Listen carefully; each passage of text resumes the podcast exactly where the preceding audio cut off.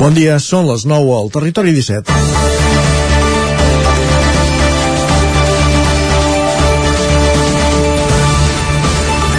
Ripoll, Can de Bànol, Vidrà, Montesquieu i Sant Julià de Vilatorta consten ara mateix entre els municipis de Catalunya amb major incidència de Covid-19 durant els últims 15 dies. Això, sumat a tímids repunts en molts altres pobles, ha tornat a catapultar Osona i el Ripollès entre les comarques en situació menys confortable. Segons les dades de salut, actualment, una de cada 10 proves diagnòstiques que es fan al Ripollès donen positiu i més d'un 7% de les que realitzen a Osona. L'augment de casos es nota també portes endins dels hospitals, el de Can de Bànol, on hi ha ingressades tres persones pel coronavirus, ha pres aquesta setmana la decisió de restringir novament les visites als pacients, que queden limitades a un únic acompanyant dues hores al dia. En el cas d'Osona, entre l'Hospital Universitari de Vic i l'Hospital Universitari de la Santa Creu, s'està tenint un total de 17 malalts amb Covid-19 o que es recuperen dels seus efectes. Al llarg dels últims dies, a més, Salut reporta entre 4 noves defuncions entre totes dues comarques, que plegades n'acumulen ja 786 des de l'esclat de la pandèmia. Com sentíem aquesta setmana de la veu de la gerent de la regió sanitària Catalunya Central, Ima Cervós, l'increment de casos es viu amb especial atenció a les escoles i llars d'infants. Només al Ripollès ara hi ha 399 infants confinats i, mentrestant, continua planant el fantasma d'una sisena onada i la Generalitat manté a la recambra un possible passaport Covid per accedir a la restauració, als camps de futbol o les esglésies i mesquites. Divendres, 19 de novembre, benvinguts al Territori 17, a la sintonia d'Ona Codinenca, Ràdio Cardedeu, la veu de Sant Joan, Ràdio Vic, el 9 FM i el 9 TV. Territori 17, amb Isaac Moreno i Jordi Sunyer.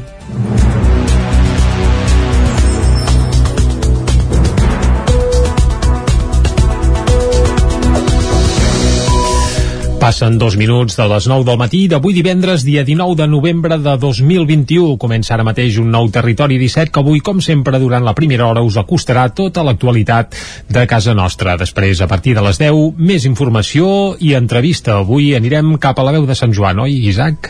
Exacte, allà ens hi espera l'Isaac Muntades i molt ben acompanyat. Acompanyat, en aquest cas, de la Magda Casaman, Casa de Munt, de Salut Mental del Ripollès i del Servei de Rehabilitació i Comunitària i de la Susana Morera, de la Fundació MAP, amb amb elles que formen part de la taula de salut del Ripollès parlarem dels actes que han preparat a motiu de la Marató de TV3. Més coses, a partir de dos quarts d'onze, quan arribem a l'equador del territori 17, tindrem piulades amb en Guillem Sánchez, també anirem a la taula de redacció i avui repassarem l'agenda esportiva d'aquest cap de setmana pels principals equips del nostre territori. A les 11 ens tornarem a actualitzar pel que fa a notícies i ens visitarà després... En Jaume Espuny, amb un dels seus ara, clàssics musicals. Aviam què ens porta avui. Ho música, bona música, segur. Home, això seguríssim, no falla mai. I a la part final del programa d'avui tindrem temps d'anar amb tren, a la R3, a Trenc d'Alba, també parlarem de cuina a la Forlent. A la Forlent, avui des del 9FM ens acompanyarà Gil Corrius, del Bareco de Vic, que reobre avui el restaurant després d'un petit període de vacances que han aprofitat per fer petites reformes i que té en mans un nou projecte eh, un no, en un nou local al carrer dels Corretgers de Vic. De tot plegat en parlarem i li demanarem que ens faci alguna, alguna recepta també. I a més ens entrarà la gana perquè això ja seran gairebé arribant a les 12 del migdia, Exacte, però això no sí, marxarem abans sense fer un repàs a l'agenda d'aquest cap de setmana d'actes festius i populars per un cap de setmana que sembla, ben Pep Acosta ja ens, ho, ja ens ho confirmarà, però la pluja potser arribarà ja a partir de diumenge, que dissabte, ja, ja, ja. Eh, però, però això vindrà d'aquí una estona. Ara el que hem de fer és arrencar... en forma de neu ja, aquestes temperatures. Aviam, aviam.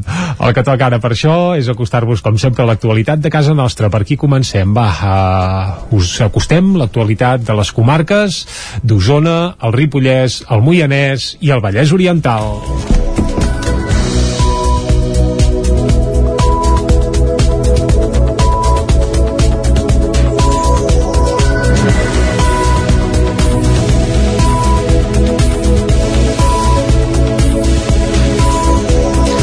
I comencem a Osona. El Consorci Hospitalari de Vic i la Fundació Hospital de la Santa Creu han anunciat que avançaran en el procés per integrar-se i coordinar-se amb l'objectiu de millorar l'atenció i garantir la viabilitat dels centres. Entre els primers passos que es contemplen hi ha unificar la gerència i la direcció. Les dues institucions, però, mantindran una personalitat jurídica separada. El Consorci Hospitalari de Vic i l'Hospital de la Santa Creu han anunciat nous passos per avançar en la integració de les dues institucions i en la coordinació assistencial. Entre els nous escenaris escenaris que es plantegen, el primer és que la gerència i les direccions siguin compartides. En un comunicat conjunt, el Consorci i la Fundació Hospital de la Santa Creu expliquen que la gestió integrada farà possible una planificació conjunta, amb l'objectiu de millorar l'atenció sanitària i social, potenciar el desenvolupament dels equips professionals i garantir la sostenibilitat dels centres. El projecte que es va explicar als treballadors a finals de la setmana passada es posa en marxa coincidint amb els canvis que hi ha hagut els darrers mesos al capdavant del Consorci, del que Antoni Moles ha assumit la presidència i Sara Manjón la gerència. El gerent de la Fundació Hospital de la Santa Creu continua sent Jordi Roca. Del Consorci Hospitalari, a més de l'Hospital Universitari de Vic, en depenen també la Clínica de Vic, Osona Salut Mental, l'Hospital Sant Jaume de Manlleu, la Residència Aura, el Centre de Dia Josep Roquer i l'àrea de rehabilitació, ubicada precisament a l'edifici de l'Hospital de la Santa Creu després de les obres de renovació que s'hi van fer. La Fundació Hospital de la Santa Creu gestiona el centre hospitalari, el Nadal i la residència i el centre de dia Fundació Gallifa de Sant Hipòlit, així com també el centre de dia de Fogaroles. L'acord no afecta la governança de les dues institucions, que mantindrien la seva personalitat jurídica i els respectius òrgans de govern. Gràcies, Jordi. Esquerra reclama més seguretat als trens que circulen entre Osona i el Ripollès a la nit per l'increment d'agressions i robatoris. Isaac Muntades, des de la veu de Sant Joan grup comarcal d'Esquerra Republicana de Catalunya va registrar una moció d'urgència al darrer ple del Consell Comarcal del Ripollès per reclamar que s'incrementi la vigilància dels trens a la nit entre Osona i el Ripollès arran d'una agressió que es va produir en un d'aquests convois fa un parell de setmanes i del repunt de casos de violència en els darrers temps, especialment masclistes i homòfobs i de robatoris. La consellera Chantal Pérez va explicar la situació concreta. Una persona de Sant Joan, en concret, anava viatjant en aquest últim tren, que és un tren que habitualment no hi va gaire ningú, sobretot el tram des de Vic cap a Ripoll i entre Vic i Torelló hi va haver una problemàtica d'un grup de joves de 8 o 9 joves que van atacar un noi així perquè així malauradament són coses que últimament estem acostumats a fer cada vegada més en temes de delictes d'odi o coses i aquesta noia va viure la situació d'angoixa de patir fins a, a Torelló en van baixar uns quants els altres es van quedar d'anar sol amb ells fins a Ripoll no? sense saber si li farien alguna cosa amb el doble por de, de quin tipus de coses seria. El problema és que el revisor i els vigilants del tren de Renfe baixen a Vic, que és una estació on s'hi queden molts viatgers en dies laborables i no hi ha ningú que garanteixi la seguretat del comboi fins a Ripoll i més enllà. Per això els republicans creuen que els trens que surten més enllà de les 8 han de tenir vigilància. Concretament el darrer tren de Rodalies de la línia R3 que viatja diàriament entre Barcelona i Ripoll surt de la capital catalana a dos quarts de 10 i arriba a la capital del Ripollès pocs minuts després de dos quarts de 12 els dies laborables. Els caps de setmana l'últim tren arriba a Ripoll quan passen 10 minuts de les 10 de la nit. Els republicans creuen que és un greuge que pateix la comarca pel sol fet de no tenir tants usuaris i per això veuen necessària la reivindicació. A més, és un altre mal de cap que se suma a les múltiples problemàtiques de Renfe i Adif pel que fa a infraestructures o retards. Esquerra també va demanar que es valorés l'estudi d'altres mesures de seguretat complementàries com la instal·lació de càmeres de seguretat o a través d'aplicacions de mòbil. Pérez va agrair-li al president del Consell, Joaquim Colomer, que es posés en contacte immediat amb Renfe quan va tenir coneixement dels fets. Gràcies, Isaac. Tornem a Osona. Els pares d'un jove de ceba mort en un atropellament a Berlín el 2019 demanen justícia i que el conductor vagi a la presó. L'home diu que va patir un atac epilèptic, però els familiars de les víctimes denuncien que no va fer cas als metges. Els pares d'un jove de ceba que va morir el 2019 en un atropellament a Berlín demanen justícia i que el conductor vagi a presó. Aquests dies s'està celebrant a la capital alemanya el judici amb 72 testimonis. L'acusat és un home de 42 anys que va atropellar mortalment quatre persones, entre elles Aleix Gorgs, de 28 anys, i el seu xicot anglès, de 29 anys. L'acusat afirma que va patir un atac epilèptic i que va perdre el control del vehicle. Primer va topar contra un semàfor i després es van dur quatre persones per davant. Els advocats de les víctimes, però, creuen que s'hauria saltat les indicacions mèdiques perquè un mes abans l'havien operat d'un tumor cerebral. L'home s'enfronta a 5 anys de presó per quatre homicidis imprudents. Els pares de l'Eixborg segueixen el judici que s'està fent al Tribunal Regional de Berlín des de la distància. La seva advocada, Caterina Gam, els va informant de com va cada setmana i expliquen que l'únic consol seria que el conductor anés a la presó, però tampoc tenen clar que al final acabi passant. El que més indigna la família, més, és que l'home podria haver conduït saltant-se les recomanacions dels seus metges. I aquest és un dels temes que les acusacions dels familiars confien poder aclarir amb les declaracions dels doctors que el van atendre. Segons Rovira, el conductor ja estava diagnosticat d'epilèpsia i el 7 d'agost del 2019, un mes abans de l'accident, va ser operat a Suïssa per un tumor cerebral. Els advocats de les famílies sostenen asseguraven que aquell dia no hauria pogut conduir perquè estava convalescent, però que en canvi hauria estat fent vida normal. Per contra, el conductor assegura que conduïa perquè creia que després de l'operació ja no patiria més atacs. Més qüestions. Amb 93 anys, la presidenta del Viver Belloc de Cardedeu, Lluïsa Uller, ja compta amb un carrer amb el seu nom. A l'acte d'inauguració hi, van, hi han participat més d'un centenar d'alumnes de les escoles Can Manent i Ramon Massip, Dolors Graners. Núria Lázaro, de Ràdio Televisió de Cardedeu. Ahir al matí quedava inaugurat el carrer de Lluïsa Uller. L'acte va comptar amb la presència de la mateixa Lluïsa, presidenta del Viver de Belloc, formada per la Fundació Viver de Belloc i la fundació que porta el seu nom. Uller ja va rebre la Creu de Terme de la Vila l'any 2008 per la seva tasca altruista i generosa en favor de les persones que més ho necessiten. Més d'un centenar d'alumnes de segon i de quart de les escoles Manent i Ramon Massip Dolors Graners també van voler participar activament d'aquest acte. Fa uns mesos, arran d'un treball de curs, aquests alumnes es van posar en contacte amb l'Ajuntament després de constatar que els noms de carrers de dones eren una excepció. En representació dels seus companys i companyes, en Bru, en Marc, l'Emma, en Joan i l'Ona van voler adreçar unes paraules d'homenatge a la figura de Lluís Auller i van destacar la importància de comptar amb un nou carrer amb nom de dona a Cardedeu, Dolors Sala, regidora d'Educació de l'Ajuntament de Cardedeu. Avui em consta que tant les mestres, les tutores, com els nens i nenes, quan han vingut aquí, estaven emocionats i deien, quan marxem i passem per aquí, li diran als meus pares que aquest nom del carrer el vam canviar pel de Lluïsa Oller i que perquè nosaltres ho vam demanar, no? En els darrers anys l'Ajuntament ha fet un treball per feminitzar el carrerer municipal, com és el cas de la plaça de Frederica Montseny, el Poble Sec o la plaça de les Dones Treballadores a l'Estalvi.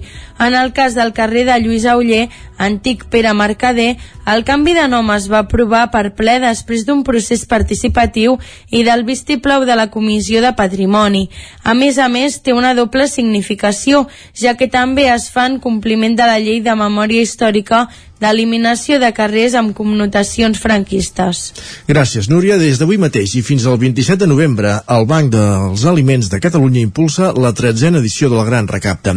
Amb el lema Ningú està preparat per la pobresa, la campanya es desplegarà per segon any consecutiu, també de forma virtual. Osona es prepara per la, la tretzena edició del Gran Recapte a Catalunya. La campanya que impulsa el Banc dels Aliments amb el lema Ningú està preparat per la pobresa es desplegarà des d'avui mateix i fins al 27 de novembre amb un objectiu donar resposta a la precarietat alimentària. Per segon any consecutiu, el Gran Recapte no es farà amb recollida física d'aliments, sinó que es basarà en donacions econòmiques. Qui ho desitgi podrà col·laborar donant un import d'entre 5 i 50 euros. Un pagament que es podrà fer per internet, a les caixes dels supermercats i per primera vegada també a punts de donació repartits pel petit comerç. Víctor Pedregosa és el coordinador dels delegats comarcals del Banc dels Aliments. Ja l'any passat es va iniciar, es va iniciar aquest projecte amb, amb tíquets de compra és a dir, un, un petit comerç que vulgui participar està vinculat amb una entitat de la zona. L'any passat a través dels tíquets les, els clients feien la seva donació i al final de la campanya el que es recaptava es transformava després en aliments. Els diners es, es canviar amb els aliments que es compraven majoritàriament aliments frescos que comprava l'entitat a la pròpia el propi negoci. L'any passat, en plena pandèmia i en format íntegrament virtual, es van recaptar 7,8 milions d'euros, un import que va permetre adquirir eh, 5 milions de quilos d'aliments i proveir durant 3 mesos d'aliments bàsics com llet i conserves a les entitats que distribu distribueixen el menjar. Coincidint amb l'inici de la campanya i malgrat suprimir la donació física d'aliments, aquest cap de setmana la presència de persones voluntàries tornarà a omplir els establiments, convidant a la ciutadania a participar al gran recapte. Castell, perdó, Castellterçol tanca amb èxit el projecte Pilot Culturament. Una vintena de participants, entre ancians i acompanyants, han pres part d'aquesta iniciativa que busca millorar el dia a dia de persones dependents a través de la cultura. Caral Campàs, des d'Ona Codinenca. Es tracta d'un projecte de la Diputació de Barcelona que s'ha dut a terme a 12 municipis amb la idea de fer activitats culturals adreçades a persones dependents. A Castellterçol han optat per fer un taller, diversos tallers d'expressió corporal i de música i els resultats s'han notat en el benestar dels participants. Oriol Caso és el regidor de Cultura i en parlava aquesta setmana en una entrevista aquí al programa. Perquè a ells els hi ha anat molt i molt bé. Vull dir, veies de fet, el primer dia n'hi havia molts que no volien venir, però després ja esperaven que fos o dimecres o divendres o dissabte per venir. Vale? Vull dir que realment i l'actitud corporal de molts d'ells ha canviat completament.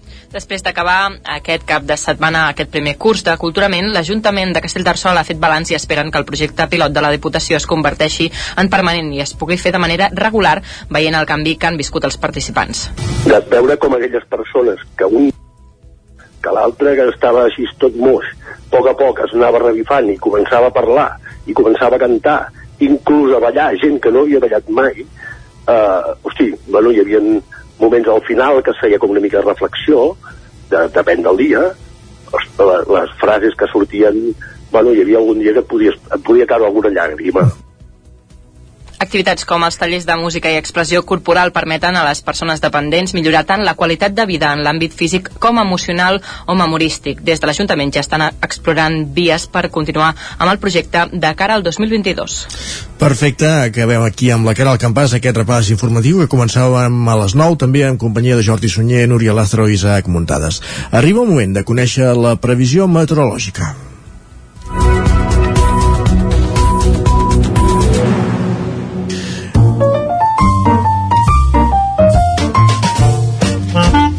Casa Terradellos us ofereix el temps. Una previsió meteorològica que aquí a Territori 17 ens acosta cada dia en Pep Acosta i ja fa dies que ens va avisant que s'acosten canvis, eh? No crec que siguin per avui ni per demà, però això diria que està a la cantonada, Isaac, per tant avui eh, hem de parar bé l'orella, eh? Doncs va, som-hi. Va, Pep. És bé el cap de setmana. Bon dia, Pep. Hola, molt bon dia. I molt bona hora. Benvinguts mm -hmm. a la informació meteorològica. Gràcies, gràcies. Avui, divendres, més important, com sempre, és un cap de setmana. Exacte. La gent acostuma a tenir més hores d'oci, més interacció social. Hi ha gent que no, eh? Hi ha gent que li ha d'estar sol a casa tranquil·lament. A mi m'agrada molt estar sol a casa tranquil·lament, també. I aquí treballa. També m'agrada estar acompanyat. Bueno, deixem estar el tema eh, cadascú li agraden coses diferents, que això és genial. I tant. Però sempre el temps és més important al cap de setmana perquè s'acostumen a fer més coses. Doncs atenció, atenció, perquè estic, estic uh, molt emocionat. Mm. Uh, Se'ns està costant, sembla, estic fent... Uh, primer, el titular que estic fent és de metaficció, Ah, eh? No no és oficial encara, ni molt menys, clar, perquè encara no ha passat i estem, es, estem a les portes. Però se'ns està costant una pertorbació de primeríssima categoria. Mm, veurem què acaba passant, però estat mirant bastants mapes eh, ja fa un o dos dies i ja tenim aquí les portes, això, eh, com deia, una perturbació atlàntica que pot girar a llevant eh, la propera setmana i serà primeríssima categoria. Veurem els acumulats de pluja a més hi ha bastant aire fred. Veurem la neu on acaba caient la quantitat de neu que pot ser molt important, ja aviso, molt important quantitat de neu sobretot al Pirineu Oriental. Una nevada de més de 50-70 centímetres. Per tant, atenció, atenció la que es pot formar la setmana vinent eh? eh jo mm, tiro aquest titular, eh? la setmana que ve hi pot haver-hi una gran pertorbació Home, ho seguirem. que ens pot anar molt bé per la gran sequera que estem patint Uh -huh. i ens pot eh, provocar uns efectes molt, molt desitjables que aviam si, si és veritat i, i la metaficció és veritat i ens afecta d'una vegada aquesta enorme pertorbació que s'està ja aproximant per l'oest de la península ibèrica. De moment avui no.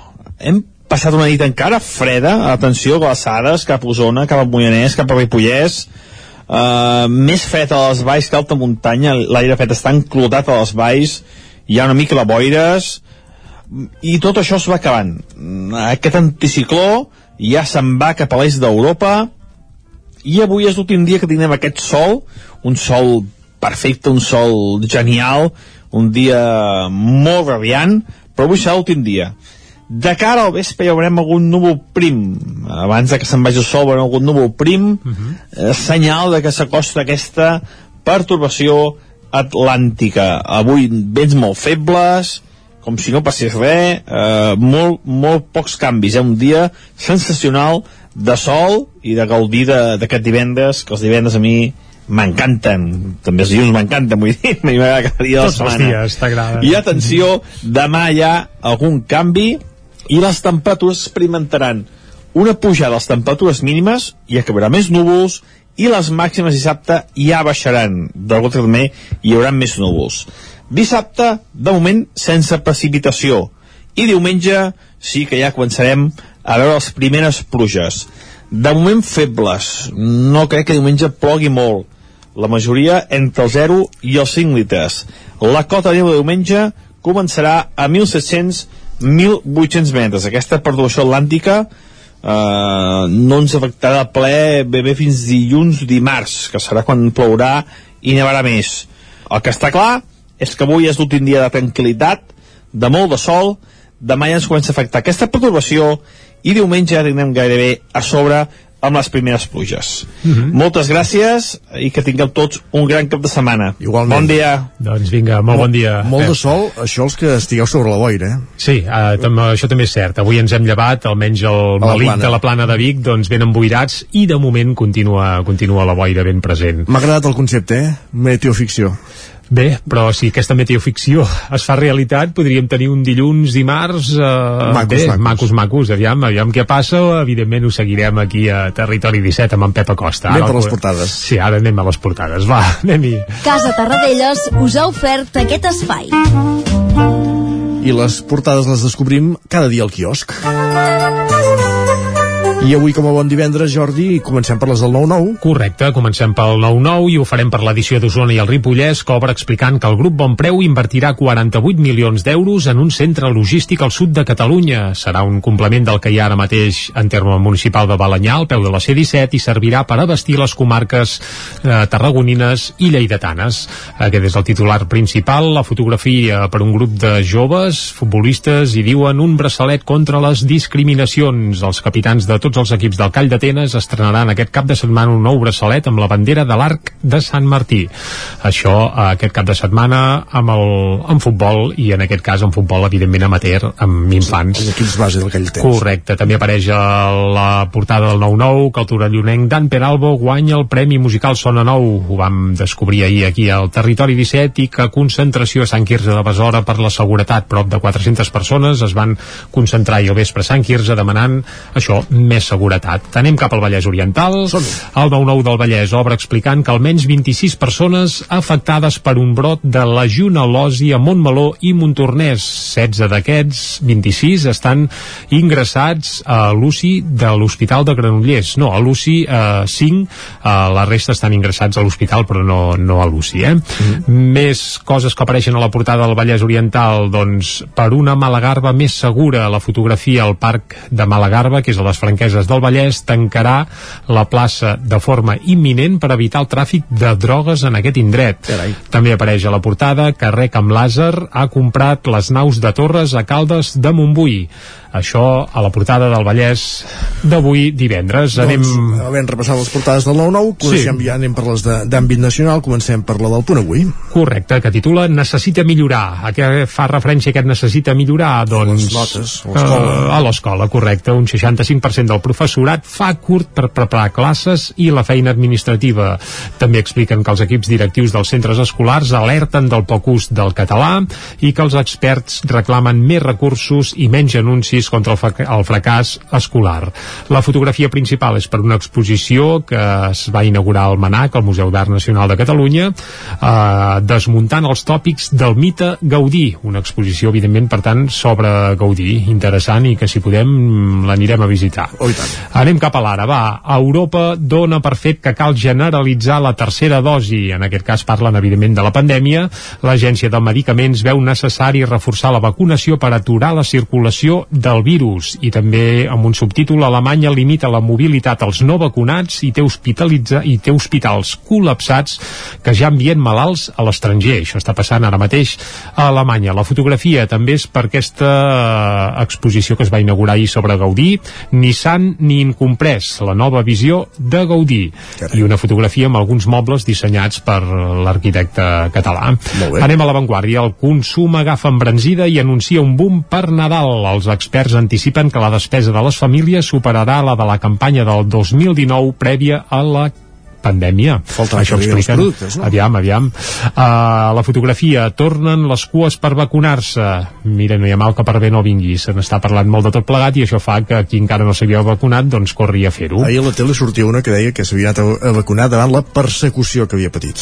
Bé, cadascú interpreta el que vol. Uh, anem al periòdico. Va, Esquerra Republicana i Comuns negocien pressupostos a dues bandes. Aquest és el titular principal. La fotografia, per això, torna a ser per Gaudí. Gaudí lluny del tòpic, parlant d'aquesta exposició que hi ha al Manac. I una entrevista a Nico González, aquest futbolista del Barça, que és bé una de les sorpreses d'aquest any, i, i diu, vaig venir als 11 anys i em vaig adaptar ràpid. Aquí s'hi viu molt bé. Això explica Nico González. Molt bé. Em Que, sembla per que cert, també és fill de- d'aquell enfrant del Depor, eh? Tu te'n Correcte, recordes? sí, sí, sí. Amb... Bé, pedigrí futbolístic. Digues, digues, no, què no, diu? Em sembla que també és ell que diu que no li, retre... Ai, que no li té rancor a Koeman per haver-lo culpabilitzat d'una derrota. Fi, és igual. Més Home, també va ser qui el va, entre cometes, descobrir.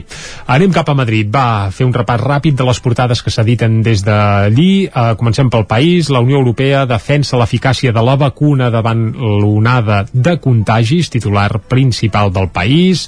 El Mundo, les cartes de l'ambaixador a Zapatero Uh, querida Gacela, mare meva uh, les cartes de l'ambaixador de Zapatero a uh, Delcy Rodríguez eh? i es veu que, que això en comptes de hola, benvinguts, no sé què començava dient querida Gacela Carambes. uh, una cosa Formalisme, molt el protocol que se salta aquest. Sí, recordem que en teoria això anava cap a Venezuela. Bé, uh, ABC, a l'ABC, Polònia uh, excava tombes pels morts sense nom. Aquest és el titular principal i tot té a veure amb aquesta crisi que hi ha a la frontera amb Bielorússia i també el, el jutge rastreja pagaments uh, de Venezuela a Podem fins l'any 2017. Continua la seva croada en aquest Particular, sentit. sí. I la Razón, la renovació del Constitucional accelera el pacte pel Consell General del Poder Judicial. Això titulen avui a la Razón. Doncs acabats de repassar els diaris, fem una petita pausa i tornem amb més notícies al Territori 17. El nou FM, la ràdio de casa, al 92.8. El racó de León. Gaudeix de la nostra terrassa. Vine a tastar les xuletilles de lechal a la brasa amb una bona amanida o el xuletón de vedella gallega. No et pots perdre el nostre lechado de Castilla al forn o el cochinillo a l'estil de Segovia. Tot acompanyat del millor celler, al menjador o fora la terrassa. Descobreix la millor cuina de Lleó sense moure't de casa. Vine amb la família, els amics, la parella o sol. T'encantarà. El racó de León, cuina tradicional lleonesa i de mercat. Som al carrer Torelló número 35 de Vic. Per reserves, telèfon 93 889 1950. El racó de León, una cuina diferent. Som especialistes en cargols a la llauna. Vine a tastar-los al racó de León. Rètols 2A. Experts en comunicació visual. Rètols, banderoles, vinils, impressió, plaques gravades, senyalització, display... Rètols Dos Art. Ja són 25 anys al vostre servei. Ens trobareu a la carretera de Vic a Olot, número 7, al polígon Malloles de Vic. dosartvic.com Telèfon 93 889 2588 Amb Pradell estalvio energia i cuido la meva butxaca i el medi ambient. Posa't en mans a Pradell, són experts en calderes de gas i condensació, estufes de pèl·let, energia solar, terres radiants i geotèrmia. Pradell instal·la calderes de biomassa per a particulars i per a empreses. Si vols estalviar un 50% en consum, contacta amb Pradell i passa't a les energies renovables. Pradell som a l'Avinguda Països Catalans 27 de Vic. Telèfon 93 885 1197. Pradell.cat. Això és el que s'escolta al voltant d'una caldera saunia d'Oval. Tranquilitat i benestar, perquè gaudeix del millor manteniment del servei tècnic oficial per estar despreocupat. O el que vulgui. Informis a Oficiat Nord trucant al 938860040. Saunia d'Oval, sempre al seu costat. Vine a Autoscola Montseny. Ara és el moment de fer els cursos de teòrica intensius, ràpid i eficaç. T'informarem dels PACs. Permís de moto de 16 i 18 anys i permís de cotxe. I si vens a veure'ns, tindràs un obsequi. Apunta't i no t'ho pensis més. Per més informació, Autoscola Montseny, Rambla de Vallades, número 13 de Vic. Busca'ns a Instagram i Facebook. Impremta Mater, el servei de particulars i empreses. Fem catàlegs, llibres, papereria corporativa, targetes, fulletons i també venem material d'oficina i escriptori, bolígrafs, arxivadors, grapadores, llibretes i molt més. Mater Impressors des de 1957. Impremta Mater. Ens trobaràs a la carretera de Sant Hipòlit, número 23 de Vic i a la impremtamater.com. El territori 17, ara mateix dos quarts de deu. Territori 17, amb Isaac Moreno i Jordi Sunyer.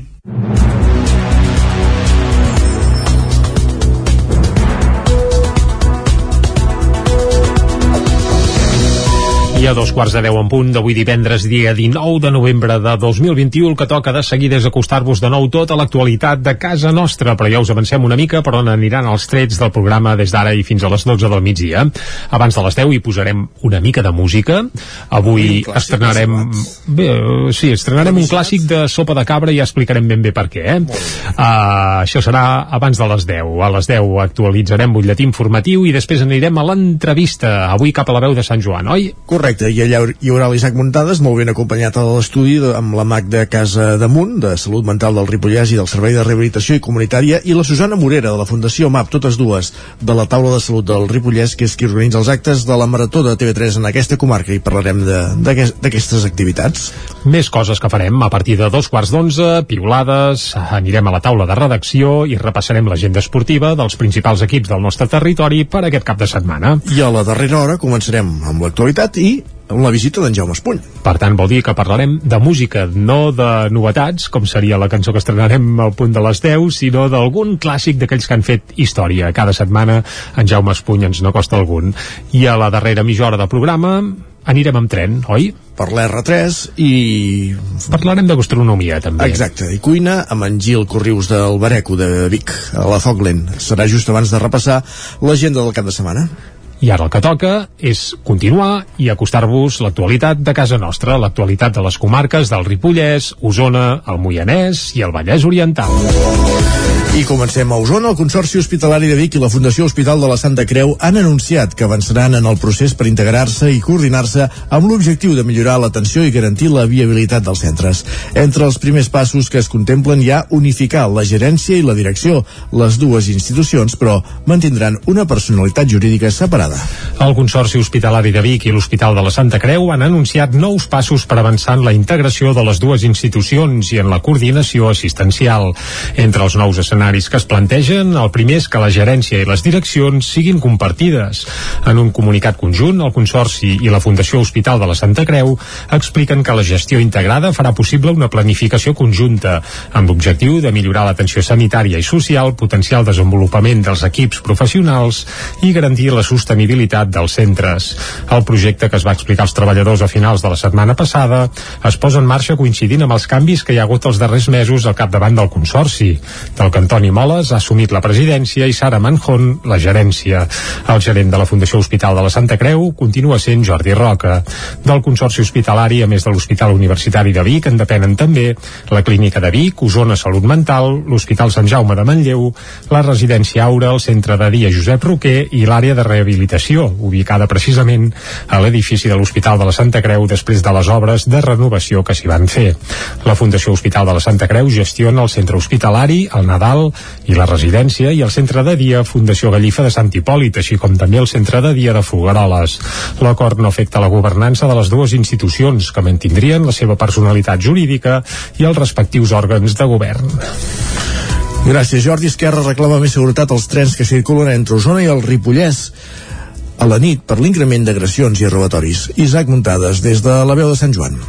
Grup comarcal d'Esquerra Republicana de Catalunya va registrar una moció d'urgència al darrer ple del Consell Comarcal del Ripollès per reclamar que s'incrementi la vigilància dels trens a la nit entre Osona i el Ripollès arran d'una agressió que es va produir en un d'aquests convois fa un parell de setmanes i del repunt de casos de violència en els darrers temps, especialment masclistes i homòfobs i de robatoris. La consellera Chantal Pérez va explicar la situació concreta. Una persona de Sant Joan, en concret, anava viatjant en aquest últim tren, que és un tren que habitualment no hi va gaire ningú, sobretot el tram des de Vic Vic cap a Ripoll i entre Vic i Torelló hi va haver una problemàtica d'un grup de joves de 8 o 9 joves que van atacar un noi així perquè així malauradament són coses que últimament estem acostumats que passen cada vegada més en temes de delictes d'odi o coses i aquesta noia va viure la situació d'angoixa de patir fins a, a Torelló en van baixar uns quants els altres es van quedar d'anar sol amb ells fins a Ripoll no? sense saber si li farien alguna cosa amb la doble por de, de quin tipus de cosa seria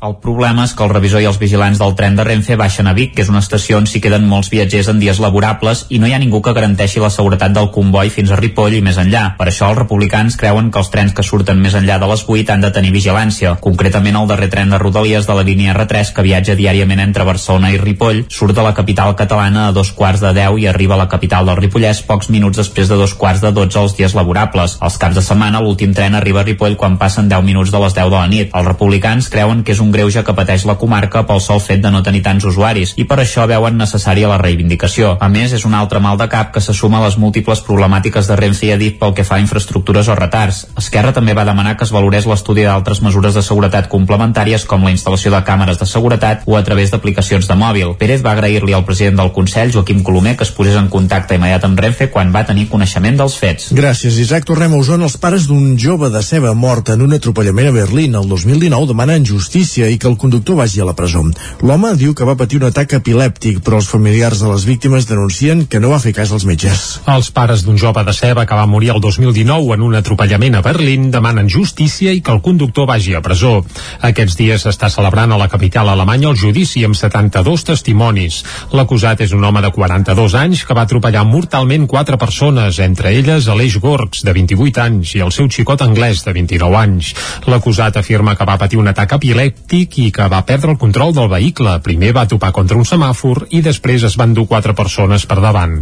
Els advocats de les víctimes, però, creuen que s'hauria saltat les indicacions mèdiques perquè un mes abans l'havien operat d'un tumor cerebral.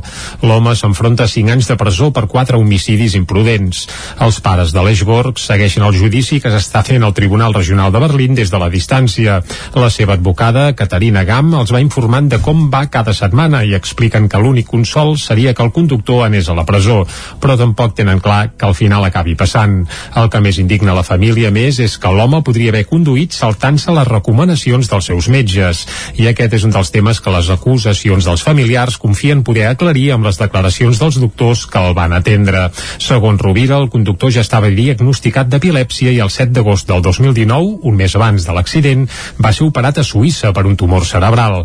Els advocats de les famílies sostenen que aquell dia no hauria pogut conduir perquè estava convalescent, però que en canvi hauria estat fent vida normal. Per contra, el conductor assegura que conduïa perquè creia que després de l'operació ja no patiria més atacs. Més qüestions. Amb 93 anys, la presidenta del Viver Belloc de Cardedeu, Lluïsa Uller, ja compta amb un carrer amb el seu nom. A l'acte d'inauguració hi, van, hi han participat més d'un centenar d'alumnes de les escoles Can Manent i Ramon Massip, Dolors Graners. Núria Lázaro, de Ràdio Televisió de Cardedeu. Ahir al matí quedava va inaugurat al carrer de Lluïsa Uller. L'acte va comptar amb la presència de la mateixa Lluïsa, presidenta del Viver de Belloc, formada per la Fundació Viver de Belloc i la fundació que porta el seu nom. Uller ja va rebre la Creu de Terme de la Vila l'any 2008 per la seva tasca altruista i generosa en favor de les persones que més ho necessiten.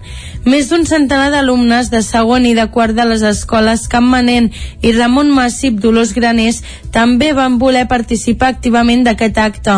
Fa uns mesos, arran d'un treball de curs, aquests alumnes es van posar en contacte amb l'Ajuntament després de constatar que els noms de carrers de dones eren una excepció.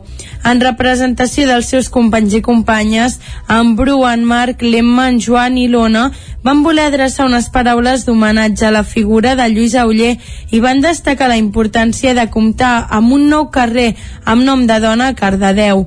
Dolors Sala, regidora d'Educació de l'Ajuntament de Cardedeu. Avui em consta que tant les mestres, les tutores, com els nens i nenes, quan han vingut aquí, estaven emocionats i deien, quan marxem i passem per aquí, li diran als meus pares que aquest nom del carrer el vam canviar pel de Lluïsa Uller i que perquè nosaltres ho vam demanar, no? En els darrers anys, l'Ajuntament ha fet un treball per feminitzar el carrer municipal, com és el cas de la plaça de Frederica Montseny, al poble 7 Sec o la plaça de les Dones Treballadores a l'Estalvi.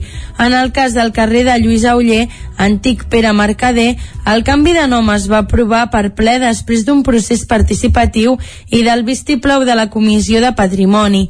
A més a més, té una doble significació, ja que també es fa en compliment de la Llei de Memòria Històrica d'eliminació de carrers amb connotacions franquistes. Gràcies, Núria. Des d'avui mateix i fins al 27 de novembre, el Banc dels Aliments de Catalunya impulsa la tretzena edició del Gran Recapte. Amb el lema Ningú està preparat per la pobresa, la campanya es desplegarà per segon any consecutiu, també de forma virtual. Osona es prepara per la, la tretzena edició del Gran Recapte a Catalunya. La campanya que impulsa el Banc dels Aliments amb el lema Ningú està preparat per la pobresa es desplegarà des d'avui mateix i fins al 27 de novembre amb un objectiu donar resposta a la precarietat alimentària.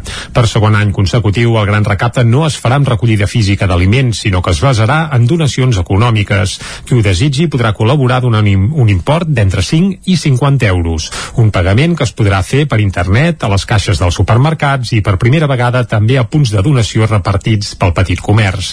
Víctor Pedragosa és el coordinador dels delegats comarcals del Banc dels Aliments. Ja l'any passat es va iniciar, es va iniciar aquest projecte amb, amb tíquets de compra és a dir, un, un petit comerç que vulgui participar està vinculat amb una entitat de la zona.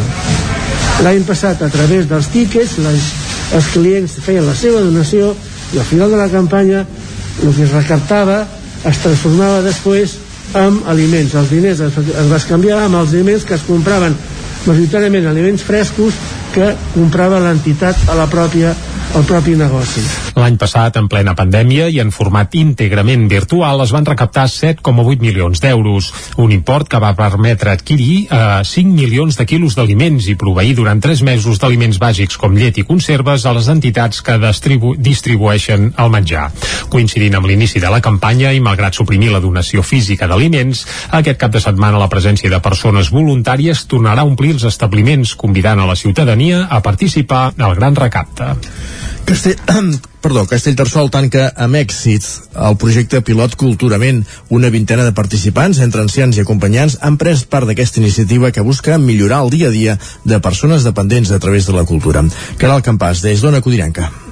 Es tracta d'un projecte de la Diputació de Barcelona que s'ha dut a terme a 12 municipis amb la idea de fer activitats culturals adreçades a persones dependents. A Castellterçol han optat per fer un taller, diversos tallers d'expressió corporal i de música i els resultats s'han notat en el benestar dels participants. Oriol Caso és el regidor de Cultura i en parlava aquesta setmana en una entrevista aquí al programa. Perquè a ells els hi ha anat molt i molt bé. Vull dir, veies... De fet, el primer dia hi havia molts que no volien venir però després ja esperaven que fos o dimecres o divendres o dissabte per venir vale? vull dir que realment i l'actitud corporal de molts d'ells ha canviat completament Després d'acabar aquest cap de setmana aquest primer curs de Culturament, l'Ajuntament de Castellterçol ha fet balanç i esperen que el projecte pilot de la Diputació es converteixi en permanent i es pugui fer de manera regular veient el canvi que han viscut els participants. de veure com aquelles persones que un que l'altre que estava així tot moix a poc a poc es anava revifant i començava a parlar i començava a cantar inclús a ballar gent que no havia ballat mai eh, hosti, bueno, hi havia moments al final que es feia com una mica de reflexió de, depèn del dia les, les frases que sortien bueno, hi havia algun dia que podies, et podia caure alguna llàgrima Activitats com els tallers de música i expressió corporal permeten a les persones dependents millorar tant la qualitat de vida en l'àmbit físic com emocional o memorístic. Des de l'Ajuntament ja estan explorant vies per continuar amb el projecte de cara al 2022. Perfecte, acabem aquí amb la Caral Campàs, aquest repàs informatiu que començàvem a les 9, també en companyia de Jordi Sunyer, Núria Lastro i Isaac Muntades. Arriba el moment de conèixer la previsió meteorològica.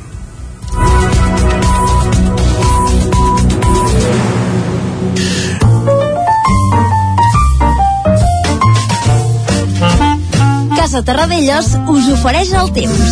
Una previsió meteorològica que aquí a Territori 17 ens acosta cada dia en Pep Acosta i ja fa dies que ens va avisant que s'acosten canvis, eh? No crec que siguin per avui ni per demà, però això diria que està a la cantonada, Isaac, per tant avui eh, hem de parar bé l'orella, eh? Doncs va, som-hi. Va, Pep. És bé el cap de setmana. Bon dia, Pep.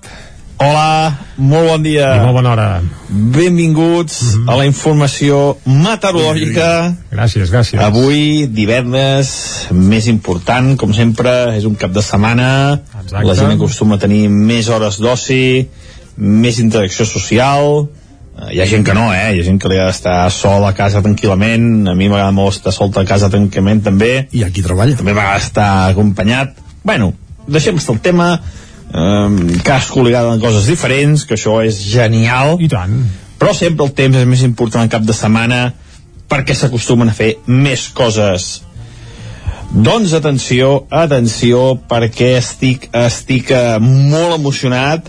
Mm. Uh, Se'ns està costant, sembla, estic fent Uh, primer, el titular que estic fent és de metaficció, Ah, eh? va. No, no és oficial encara, ni molt menys, clar, perquè encara no ha passat i estem, es, estem a les portes.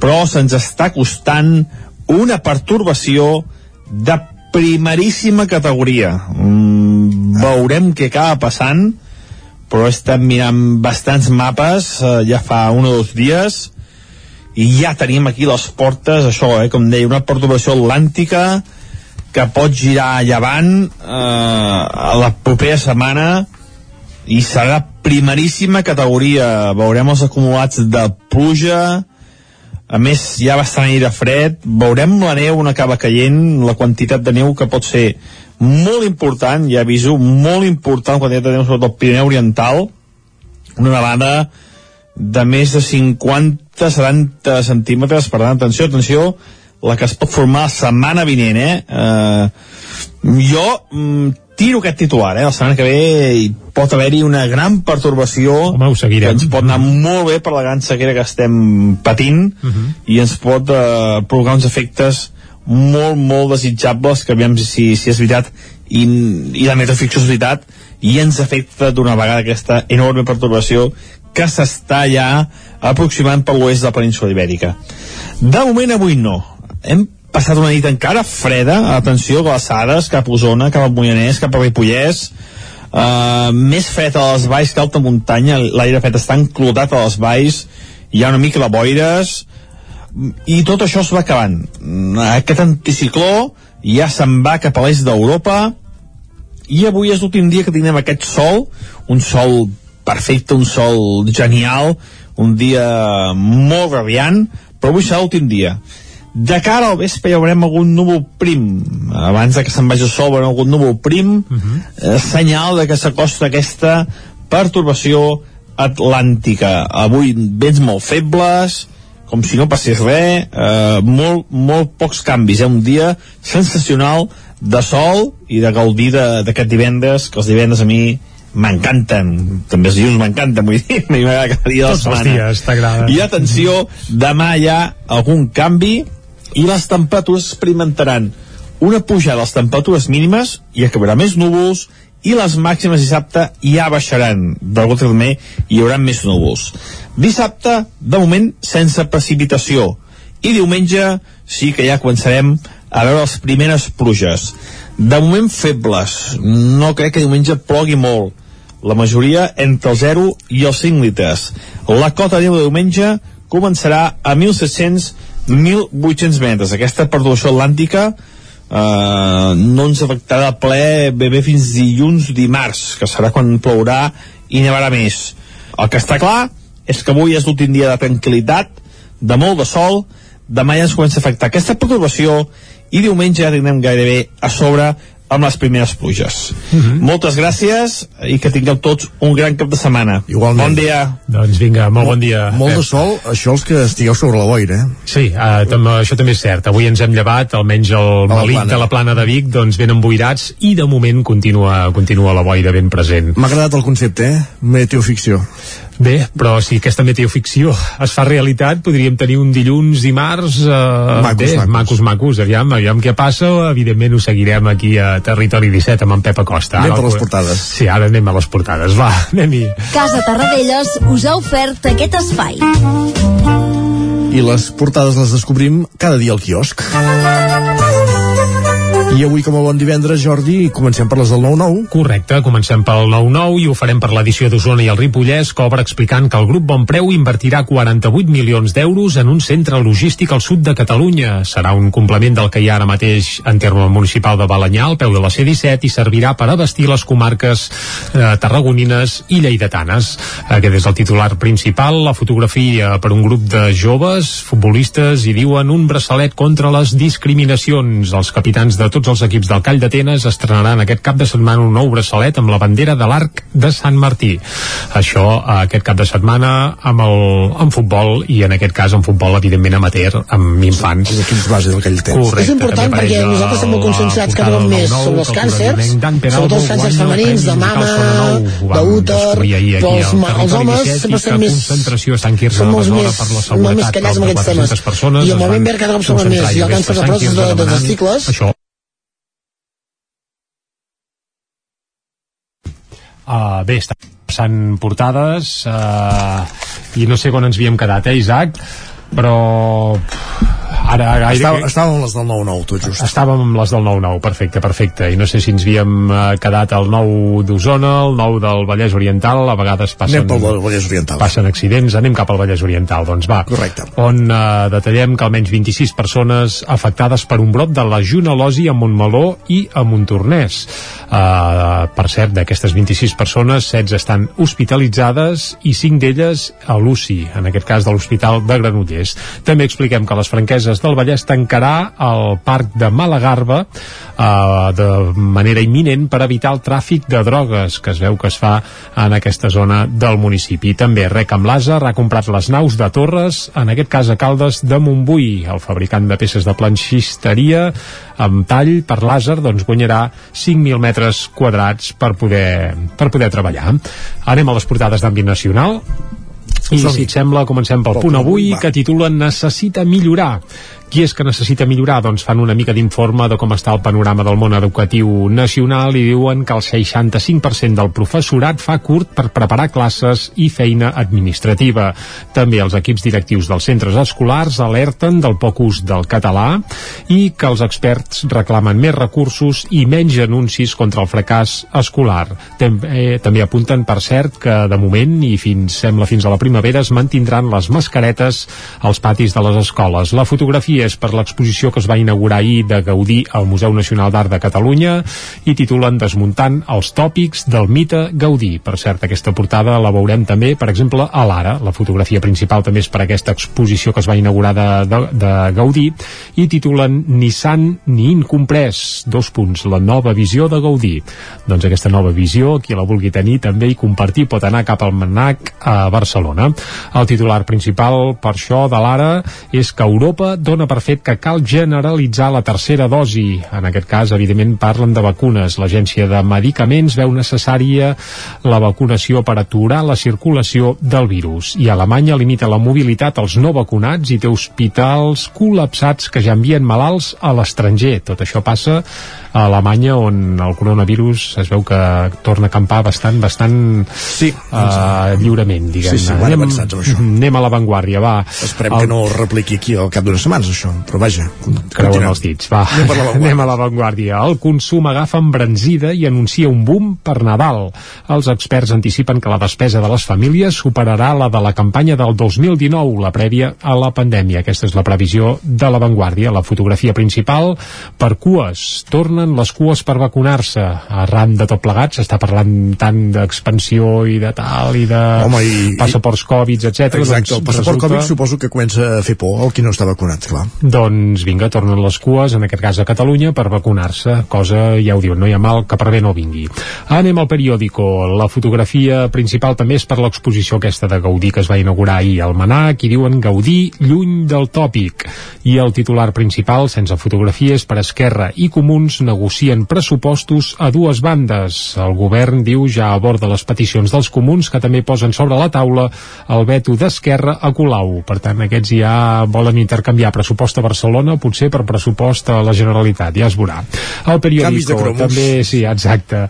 També hi ha una entrevista a Nico González, aquest futbolista del Barça que ha esclatat aquest any, i diu, vaig venir als 11 anys i em vaig adaptar ràpid perquè aquí s'hi viu molt bé. Això és el titular que apareix en aquesta entrevista al No, no, futbolista Nico González. Tonto no és, està clar. No, no, evidentment que no. També apunten, per cert, que l'erupció de la Palma compleix 60 dies sense treva. És a dir, que continuen Uh, bé, mm, amb el volcà doncs, en plena erupció. I ràpidament un cop d'ull a les portades que s'editen a Madrid el país, la Unió Europea, defensa l'eficàcia de la vacuna davant la nova onada de contagis, això apareix al país. A El Mundo, les cartes de l'ambaixador de Zapatero a Delei Rodríguez, les encapçalaven dient estimada gazela. Mm, oita quina familiaritat que, que tenien sí. tots plegats. Va, a l'ABC el jutge rastreja pagaments de Venezuela a Podem fins al 2017 aquest és el titular principal de l'ABC i acabem fent un cop d'ull a la Razón. La renovació del Constitucional accelera el pacte pel Consell General del Poder Judicial. Aquest és el titular principal que apareix a la Razón. Perfecte, doncs repassats els diaris és moment de començar a plantejar-nos com acabem aquesta hora musicalment parlant. Va, ho farem amb música i avui amb una estrena i és que resulta que Sopa de Cabra eh, avui mateix ha fet una nova versió del Boig de la ciutat, Carai. un dels seus clàssics més clàssics, però clar, la novetat és que, que bé, aquesta nova versió s'ha publicat amb les veus, atenció, d'Àlvaro Soler, d'Alfred Garcia i de Ramon Miravet, tres patums de... bé, que agraden bàsicament potser el jovent, a part del jovent d'avui dia, que han volgut recular uns quants anys enrere i recordar aquells quan eren menuts o, o anaven amb cotxe amb els seus pares, doncs escoltaven Sopa de Cabra. Doncs aquesta cançó s'ha regravat, per cert, amb David Rossell de productor, que el podem considerar mig usonenc, perquè fins fa quatre dies tenia els estudis aquí a Taradell, a Camp Pardaler, tot i que ara els té a, al Bages, uh -huh.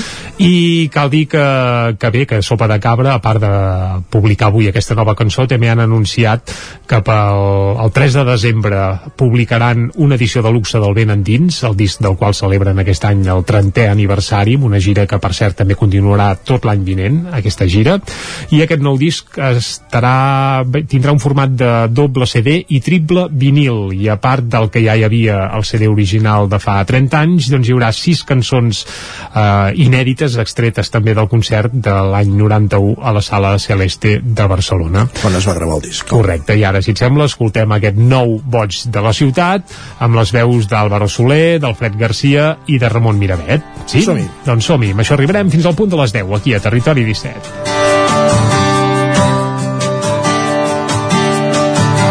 Acabava d'arribar Només volia tranquil·litat Després de nits sumides a la carretera i se'm va posar davant. No em va saber controlar. Va caure enmig d'una vessada de sang. I em va dir oh, Jo era el boig de la ciutat, tu m'has matat. M'hauràs de substituir van acceptar la condemna per majoria absoluta. Tan sols vaig poder-me defensar. Pagaràs fins l'últim dia. També la nit per tota la vila. Ets l'elegit per tots em van dir Boig de la ciutat, tu l'has matat. L'hauràs de substituir d'ara endavant. Tu ets el boig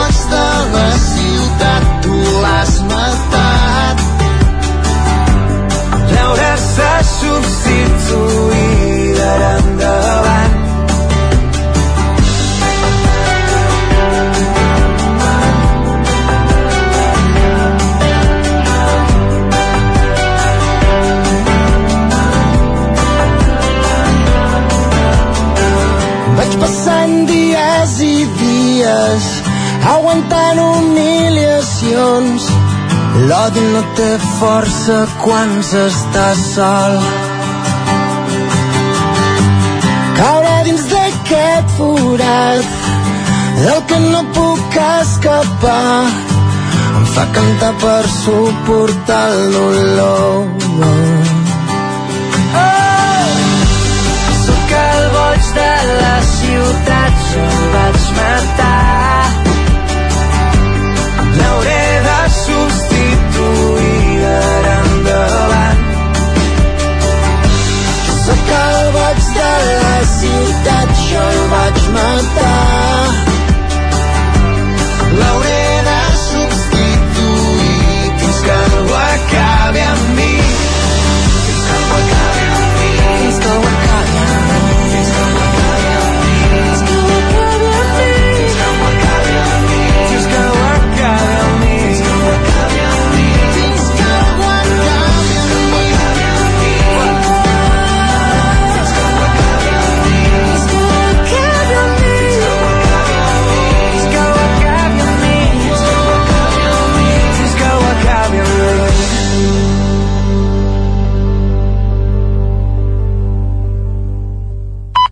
Territori 17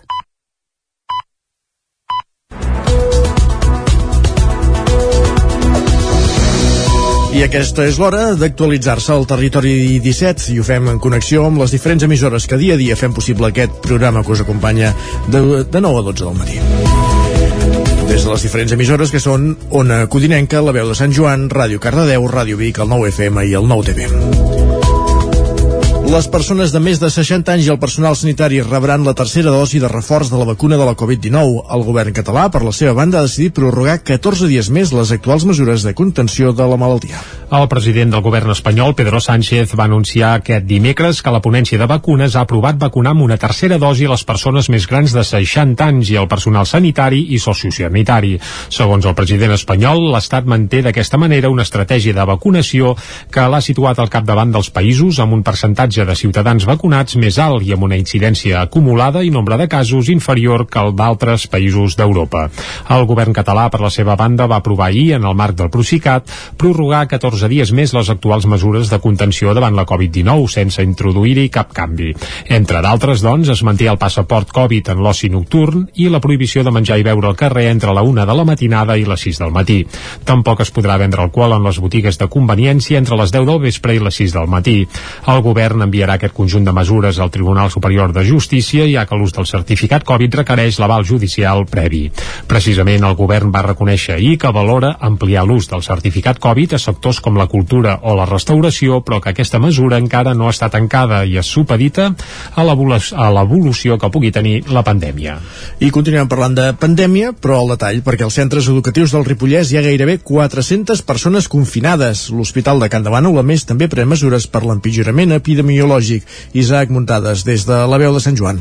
La situació als centres escolars del Ripollès és crítica, probablement de les pitjors des que es va poder tornar a les aules al setembre del 2020, després dels mesos de confinament de la pandèmia de la Covid-19. En total hi ha 381 persones confinades als seus domicilis, que ha obligat a aïllar una vintena de classes de la comarca. L'Escola Badruna de Ripoll és qui s'emporta la pitjor part, perquè té confinades les classes de segon, tercer i quart de primària i de P5. En total, 103 nens i dos mestres a casa per un brot de coronavirus que ja ha afectat 21 alumnes i dos professors. Tant en aquest centre com a l'Escola Pirineu de Can Davant Bànol s'han fet cribatges amb testos PCR per saber quanta gent té el virus. Precisament el centre Can de Manolenc té 97 alumnes i 3 docents a casa per un altre brot que ha contagiat a una vintena d'alumnes i 3 professors. Les classes afectades són un total de 7, dos grups de sisè de primària i un parell més de cinquè i una classe de tercer i quart de primària i de P4. Al Tomàs Reguer de Ripoll la situació també és ben crítica. Hi ha 69 alumnes i un professor confinats pel positiu de 3 nens. A l'escola Joan Maragall continua aïllada la classe de 5è amb 24 alumnes a casa i dos professors pel positiu de 5 nens i un mestre. L'Institut Abat Oliva té una classe aïllada de 16 alumnes per un positiu i al Centre de Formació d'Adults del Ripollès una persona confinada per haver donat positiu. A la resta de la comarca hi ha 26 persones confinades a l'Escola Doctor Robert de Camprodon per dos positius, 20 a l'Institut Escola de Ribes de Freser per un sol contagi i a l'Escola Els Pinets Air Vall del Ter de Sant Pau de Segúries un positiu ha obligat a confinar 16 persones. També hi ha una persona confinada a l'Institut Escola Mestre Andreu de Sant Joan de les Abadeses. Tampoc és bona la situació epidemiològica del Ripollès, que ja té un índex de risc de rebrot de 653 punts de la setmana del 7 a l'11 de novembre i una taxa de propagació del virus URT que pinta el mapa de la comarca de vermell amb 2,04 punts per la detecció de 54 casos positius els últims dies. A l'Hospital de Can de Bànol ja hi ha 4 persones ingressades i s'han produït 87 defuncions, una més que fa uns dies. Davant d'aquest empitjorament general, l'hospital ha decidit restringir la normativa i acompanyament de pacients. Ara només es podran visitar malalts dues hores al dia, al matí de dos quarts d'una a dos quarts de dues i a la tarda centre de les 7 a les 8 del vespre. Només podrà entrar un acompanyant per pacient que sempre serà el mateix. Les visites a la segona planta de l'hospital queden totalment prohibides. A l'àrea quirúrgica i a consultes externes, els pacients aniran sols sempre que no necessitin ajuda i tots els visitants hauran de portar mascaretes sempre a dins del recinte.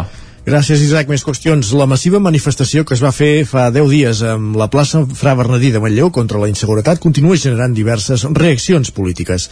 L'última, la de Manlleu en Comú Podem, una formació sense representació a l'Ajuntament que proposa la creació d'un Consell de Seguretat Ciutadana i Prevenció a la ciutat. A través d'un comunicat, Manlleu en Comú explica que el govern municipal d'Esquerra i Junts és incapaç de donar resposta al neguit ciutadà i demana que rebutgin els discursos excloents i estigmatitzadors.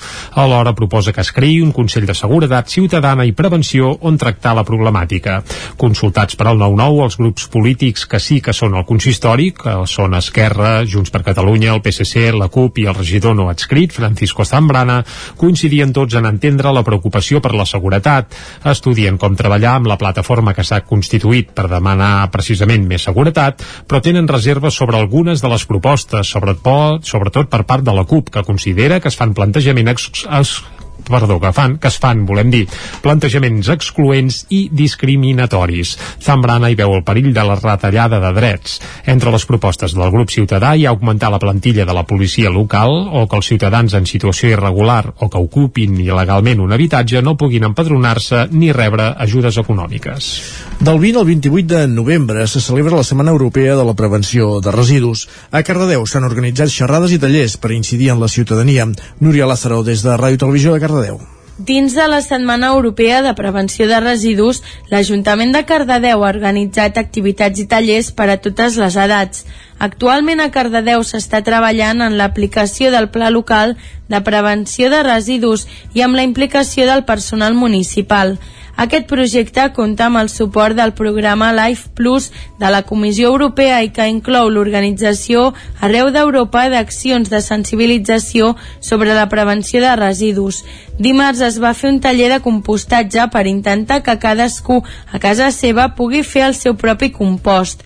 Dissabte es farà un escape room al centre del poble amb el nom Escapem dels plàstics de 10 a 1 del matí i dimecres vinent un taller familiar de prevenció de residus a treballar a través del joc. Paral·lelament, des de l'Ajuntament de Cardedeu es treballa activament en l'aplicació del Pla Local de Prevenció de Residus 2019-2023, amb el qual el municipi aposta per planificar i aplicar una estratègia que permeti aconseguir arribar als objectius de reducció dels residus generats, amb la participació i sensibilització dels diferents agents econòmics i les entitats de Cardedeu.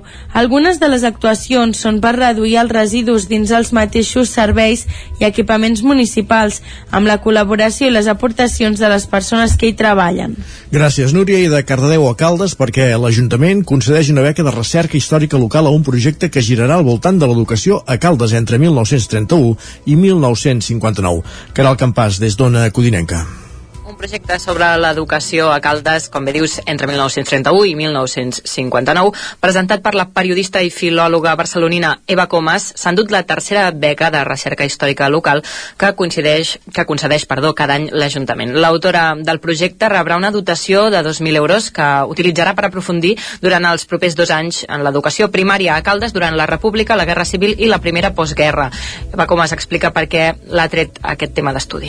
M'interessava molt el fet de que pogués estudiar aquí a Caldes el període de la República, de la Guerra Civil i del començament del franquisme. En pocs anys puc fer una radiografia, penso, bastant aprofundida de com va anar l'educació. A més a més, és un, una època, aquests, aquests anys, molt canviant, no? Hi va haver la revolució, el començament de la Guerra Civil, i això va eh, canviar tot l'ordre establert, no? A, aquí, a Caldes específicament, m'interessava també per un altre aspecte, perquè hi ha en aquella època dues escoles importants com és eh, l'escola Pia i després també les Badrunes i a més a més hi, hi havia també les escoles públiques, les escoles nacionals per tant puc fer una comparativa i una visió molt àmplies. Per la seva banda, el regidor d'Educació, Pep Busquets, valora l'interès que té el període històric que cobrirà el projecte. concret tenim en, en aquesta etapa que va ser la, la segona república no? de, de 1931 eh, va establir l'educació com a prioritat eh, els nous governants republicans creien fermament que, que una bona educació escolar asseguraria la permanència de l'ideal republicà volien que el mestre i el nen fossin els primers ciutadans de, de la república eh, és per aquest motiu que trobo molt interessant eh, aquesta recerca de, de l'educació en aquesta etapa i també po poder donar l'oportunitat a, a, a testimonis que expliquin la, la seva experiència com a, com a alumnes. Eva Comas té 44 anys i està especialitzada en temes culturals, literaris i d'educació. Actualment realitza la recerca Educar en temps de repressió per l'Ajuntament de Castellbisbal i col·labora al programa El món RAC1 amb peces d'opinió sobre cultura i educació i també a la revista científica Mètode de la Universitat de València. A banda, ha publicat el llibre El somni blau, un assaig sobre els somnis en l'obra de Mercè Rodoreda, editat per l'Institut d'Estudis Catalans. La beca de recerca històrica local de Caldes es convoca de forma anual i en les dues edicions anteriors es van finançar un estudi sobre la pedrera de Caldes realitzat per Raquel Castellà i un altre sobre la Torre Marimón, obra de Marc Soler.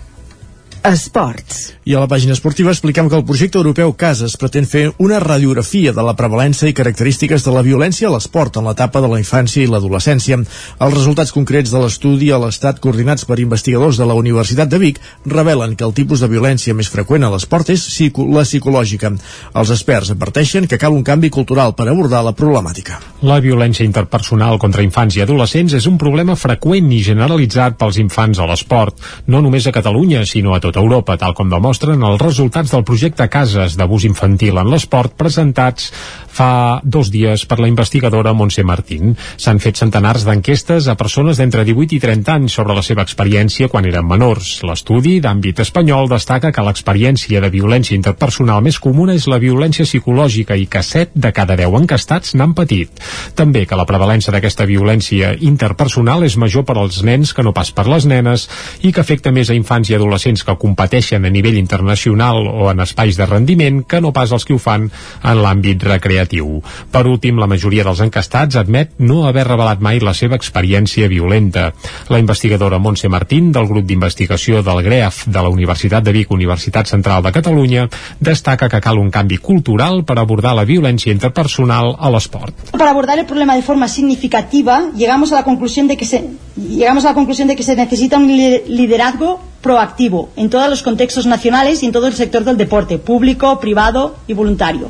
¿no? Y creo que la idea sería pedir cómo podemos crear este li- liderazgo proactivo entre todos y todas los que estamos aquí, los que estáis en casa, qué podemos hacer para contribuir a, formar parte de este liderazgo ¿no? proactivo, que, no se deje nadie fuera y que, y que todos podamos ser líderes en este cambio cultural y en este cambio de, de lo que está pasando.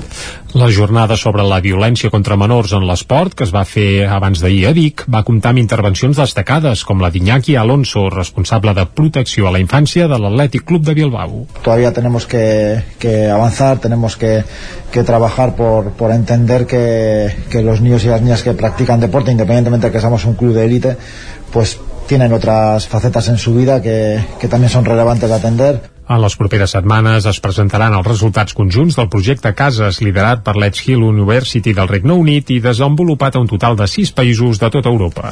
Gràcies, Jordi. Acabem aquí aquest repàs informatiu que començàvem a les 10. No, L'acabem, però, sense abans repassar la previsió meteorològica.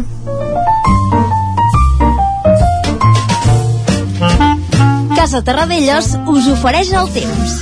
Una previsió que avui ve marcada per l'estabilitat, és a dir, que farà el mateix temps que ahir, més o menys, pel que ens ha dit en Pep Acosta a primera hora, però sembla que de cara a diumenge la cosa canvia. Pot començar a canviar. El saludem, va, de nou. Pep, bon dia. Hola, molt bon dia. Molt bona hora. Uh, Se'ns està costant, uh -huh. sembla, estic fent...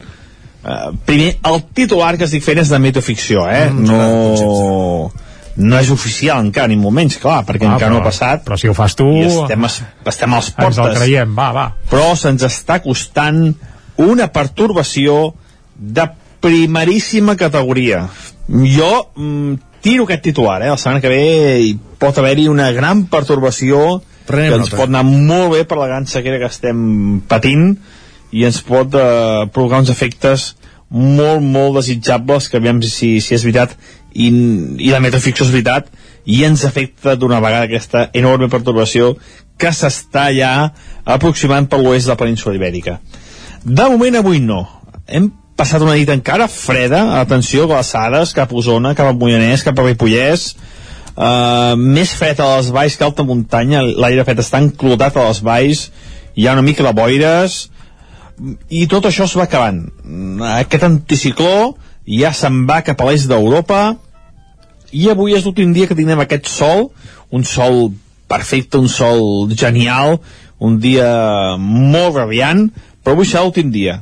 I atenció, demà hi ha algun canvi i les temperatures experimentaran una pujada de les temperatures mínimes, i acabarà més núvols, i les màximes dissabte ja baixaran. De volta també hi haurà més núvols. Dissabte, de moment, sense precipitació.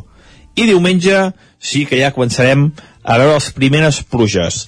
De moment febles. No crec que diumenge plogui molt. La majoria entre el 0 i els 5 litres. La cota de diumenge començarà a 1.700-1.800 metres. Aquesta perturbació atlàntica eh, no ens afectarà ple bé, bé fins dilluns dimarts, que serà quan plourà i nevarà més.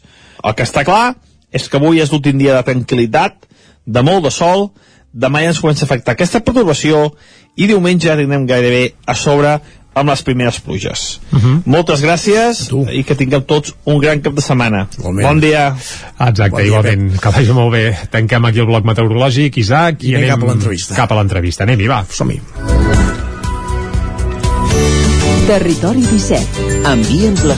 Casa Tarradellas us ha ofert aquest espai.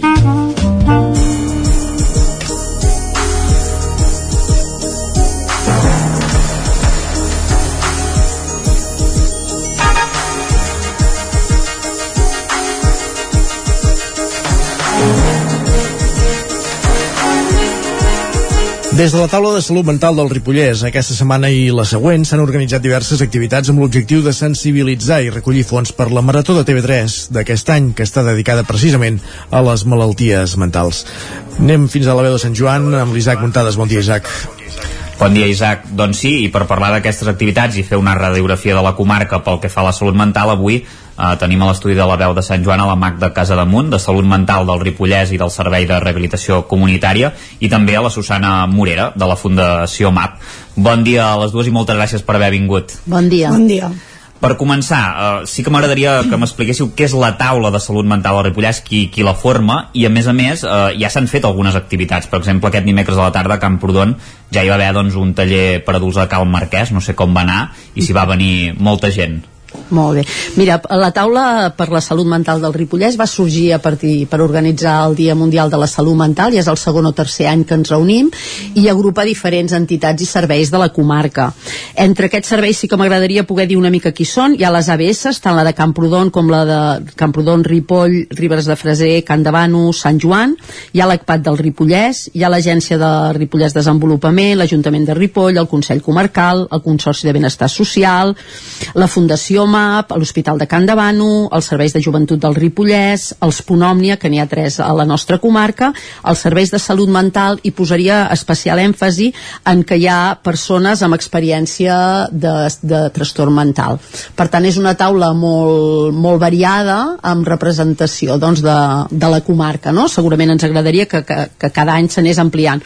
Llavors, tot i que va sorgir per al tema de la, del Dia Mundial, el, la Marató el ja confirmar que anava sobre salut mental vam dir de donar-li continuïtat doncs, fins que arribés el dia de la Marató i poder-hi poder treballar en aquest sentit val? llavors de les activitats que en comentaves doncs aquest que dius del taller que es va fer a, a, Sant, a Camprodon que va estar més organitzat per la taula però més concretament doncs, per l'ABS de Camprodon la veritat és que va ser un èxit hi va haver moltes persones, ja en la inscripció ja hi havia de si s'hauria de dir a gent que no i de fet el que comentaven les persones que hi havien anat és que tenien ganes de que s'anessin fent coses en aquest estil, no?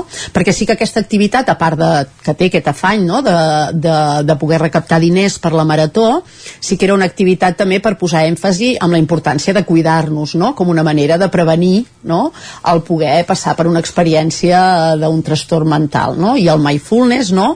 Ara, bueno, és una tècnica que s'utilitza molt i que sembla que pot ajudar a això, no? Si estem més relaxats, estem més tranquils, podem estar a l'aquí i ara com, com una manera pues, de poder-ho prevenir. Vull dir que tenia una doble, una doble vertent aquesta activitat. Uh -huh. I la veritat és que va ser un èxit. Eren més de 20 persones eh, fent l'activitat. La persona que ho va conduir, la Blanca, bueno, pues, va agradar molt com, com va anar tot i perfecte. És la segona que s'ha muntat en el d'això de la marató, amb la idea de la marató i molt bé.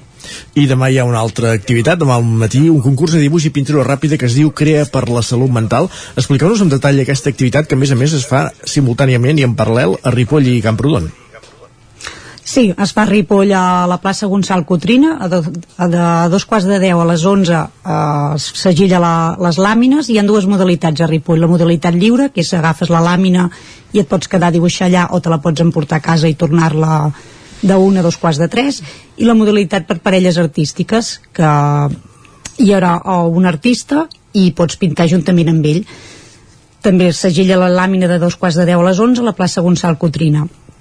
I aquí el, es donaran unes frases lligades amb la salut mental per orientar una mica la, cap al, al dibuix. Llavors a Camprodon només hi ha la modalitat lliure, que és a la plaça del Carme, i és el mateix, també a dos quarts de 10 a 11 per segellar la làmina, i de 1 a dos quarts de 3 el lliurament de les obres també a, a la plaça del Carme. Després, les obres entregades, hi haurà un jurat que a les 4 de la tarda reunirà al CAT de Ripoll i faran un... hi han tres premis, primer, segon i tercer. Aquests premis eh, es consten amb un sopar al CAT, eh, amb algunes entrades culturals de Ripoll i de Camprodon i eh, es publicaran les obres al calendari de la Fundació MAP que cada any es fa i es recaudaran diners per la, per la marató. Uh -huh. I el pròxim divendres 26 de novembre hi haurà també un sopar maridatge solidari al, al Cat de Canguetes, oi? Sí, hi ha un sopar menú eh, conduït pel mestre formatger David Morera i per la cooperativa Capçanes de Montsant, que vindrà una anòloga. A cada plat hi haurà els seus vins i us recordem que hi ha molt poques places i hi ha les últimes inscripcions. El tiquet val 29 euros i també els diners recaudats van per la, per la marató. Hi ha més activitats previstes des d'ara fins al dia de, de la Marató, que recordem la data, serà el 19 de desembre aquest any. Sí, sí, hi ha més activitats que una es fan a Ribes de Freser que és molta per la salut mental també amb aquesta idea que serveixi per recaptar fons però també per fomentar el que és l'exercici que aquest dia es farà el mateix dia una marxa nòrdica, un tastet de ioga i una dansa per empoderament femení. Això és el 27 és un dissabte i llavors està prevista fer una activitat Susana que tu saps més Sí, un vermut, uh, un vermut solidari que es farà a la plaça de la Lira de, la Lira de Ripoll l'on 11, eh? El dibuix, sí, dissabte 11 de, de desembre. Es aniran publicant els artistes que sortiran perquè hi haurà un vermut musical. Uh -huh. Hem parlat una mica de les activitats, ara parlem una mica del que seria la salut eh, mental a la comarca. No sé si hi ha molta gent que teniu detectada doncs, que pateix aquest tipus de malalties aquí al Ripollès. No sé si n'ateneu molts i, i sobretot, bueno, eh, quines són aquestes malalties que, que teneu? Aviam, ar, uh, arrel d'una mica de la pandèmia i així el que és els serveis eh, més especialitzats en salut mental. Eh, no hem notat un increment considerable. És a dir, nosaltres continuem atenent mm, bueno, més o menys a la, a la línia que fèiem. Sí que és cert que poder les situacions estan més dures o més cronificades perquè els entorns de suport d'aquestes persones eh, sí que s'han vist també afectats per pèrdues de feina per aquesta situació est estressant que ens ha generat a tots no? el Covid, la por de tenir una malaltia etc. i en aquest sentit bueno, poder els professionals hi han de ser més presents sí que és cert que tenim a la comarca a, tota, a totes les àrees bàsiques hi ha un psicòleg que fa com aquesta atenció primària val? De- que no parlem de patologia greu, sinó aquesta cosa més reactiva que es pot donar per totes les circumstàncies que hi han hagut, per pèrdua de feina, per pèrdua de persones estimades, per no haver pogut estar als hospitals acompanyats, per no haver pogut acompanyar algú als hospitals, és a dir, tot aquest tipus de patologia, d'entrada, si no es posa greu, s'atén des del psicòleg de primària. En aquest sentit, sí, que creiem que no són dades que jo tinc exactament, però que sí que aquest servei eh, hauria d'estar més ampliat, més ben dotat, per poder en- atendre tot això sense que les persones hagin d'arribar a l'especialista. Seria com l'atenció primària en salut mental. I ells sí que diria que van una mica col·lapsat. També és cert que aquí ho hem trobat aquí a la comarca. Altres comarques, sí, no sé si el sistema de derivació funciona diferent, sí que els serveis de salut mental s'han vist eh, més col·lapsats que ens hem pogut viure nosaltres. Vull dir que no puc parlar, parlo d'aquí la comarca, tenim una comarca petita, també amb, un, amb unes franges d'edat potser més grans, i potser tot això ha fet que no, bueno, que no hi hagi hagut con aquest agreujament que hàgim necessitat. Eh? Ara sí que treballem amb més pressió en el sentit que els entorns estan més tocats i necessiten més suports externs. Les persones que, que pateixen algun tipus de malaltia mental necessiten molt el suport de les altres persones, més que, que en altres tipus de malalties? Tenen alguna necessitat especial en aquest aspecte de- d'això, de, de caliu de- d'altres persones, d'ajuda? Clar, és difícil de dir perquè de trastorns mentals o d'expressió, de malestar psíquic, n'hi ha de molts diversos. Clar, si quan parlem de patologia greu, que pot ser més discapacitant, evidentment que necessiten eh, molts suports. Però aquests molts suports a vegades no són ni sempre ni per totes les coses. Passen els seus moments, fins i tot amb la patologia més greu. Amb la patologia més banal o amb els trastorns més banals que podem tenir tots nosaltres per, per circumstàncies de la vida, jo crec que el cert és que si tinguéssim una societat que acollís més, que anés un altre ritme, que fos d'una altra manera, segurament no tindríem tantes patologies. Per exemple, hi havia gent que deia, home, jo estic molt malament, estic molt malament perquè el meu negoci va fatal, perquè les ajudes no m'arriben, perquè no sé si hauré de tancar. És a dir, aquí segurament el que fa falta no són suports socials, són suports econòmics. És a dir, la salut mental és una batalla que no s'ha de lliurar només en els àmbits de la salut, sinó en els àmbits mm, generals. És, és una cosa transversal. El Covid ha afectat a moltes persones i moltes no ha tingut que veure directament amb un patiment psíquic. O sigui, el, perquè se li ha generat perquè sí, s'ha generat perquè, perquè, la societat, perquè la resposta no ha set ni prou ràpida ni prou adequada, segurament ni no suficient. Per tant la inversió, invertir en salut mental és invertir en molts altres àmbits que sí que necessita inversió la salut mental perquè estem molt per sota de nivell europeu de número de psicòlegs, de treballadors en general de serveis, d'atenció evidentment, eh? i hem d'invertir però també és cert que s'ha d'invertir en molts àmbits precisament perquè la gent no ho necessiti. I aquesta seria un treball de veritat. A fer no sé si he respost Oh, i tant, perfectament.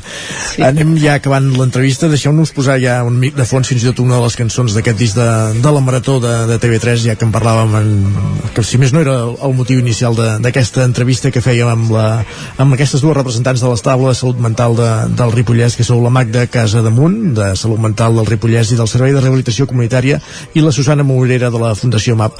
Gràcies per ser avui amb nosaltres al Territori 17. A vosaltres Moltes gràcies. Merci. Gràcies, Isaac, també parlem més tard. Fins després. Ara. Doncs, com dèiem, acabem amb una de les cançons que podem trobar en aquest disc de, de la Marató de TV3, Miquel Ríos, cantant en català el seu himne de l'alegria.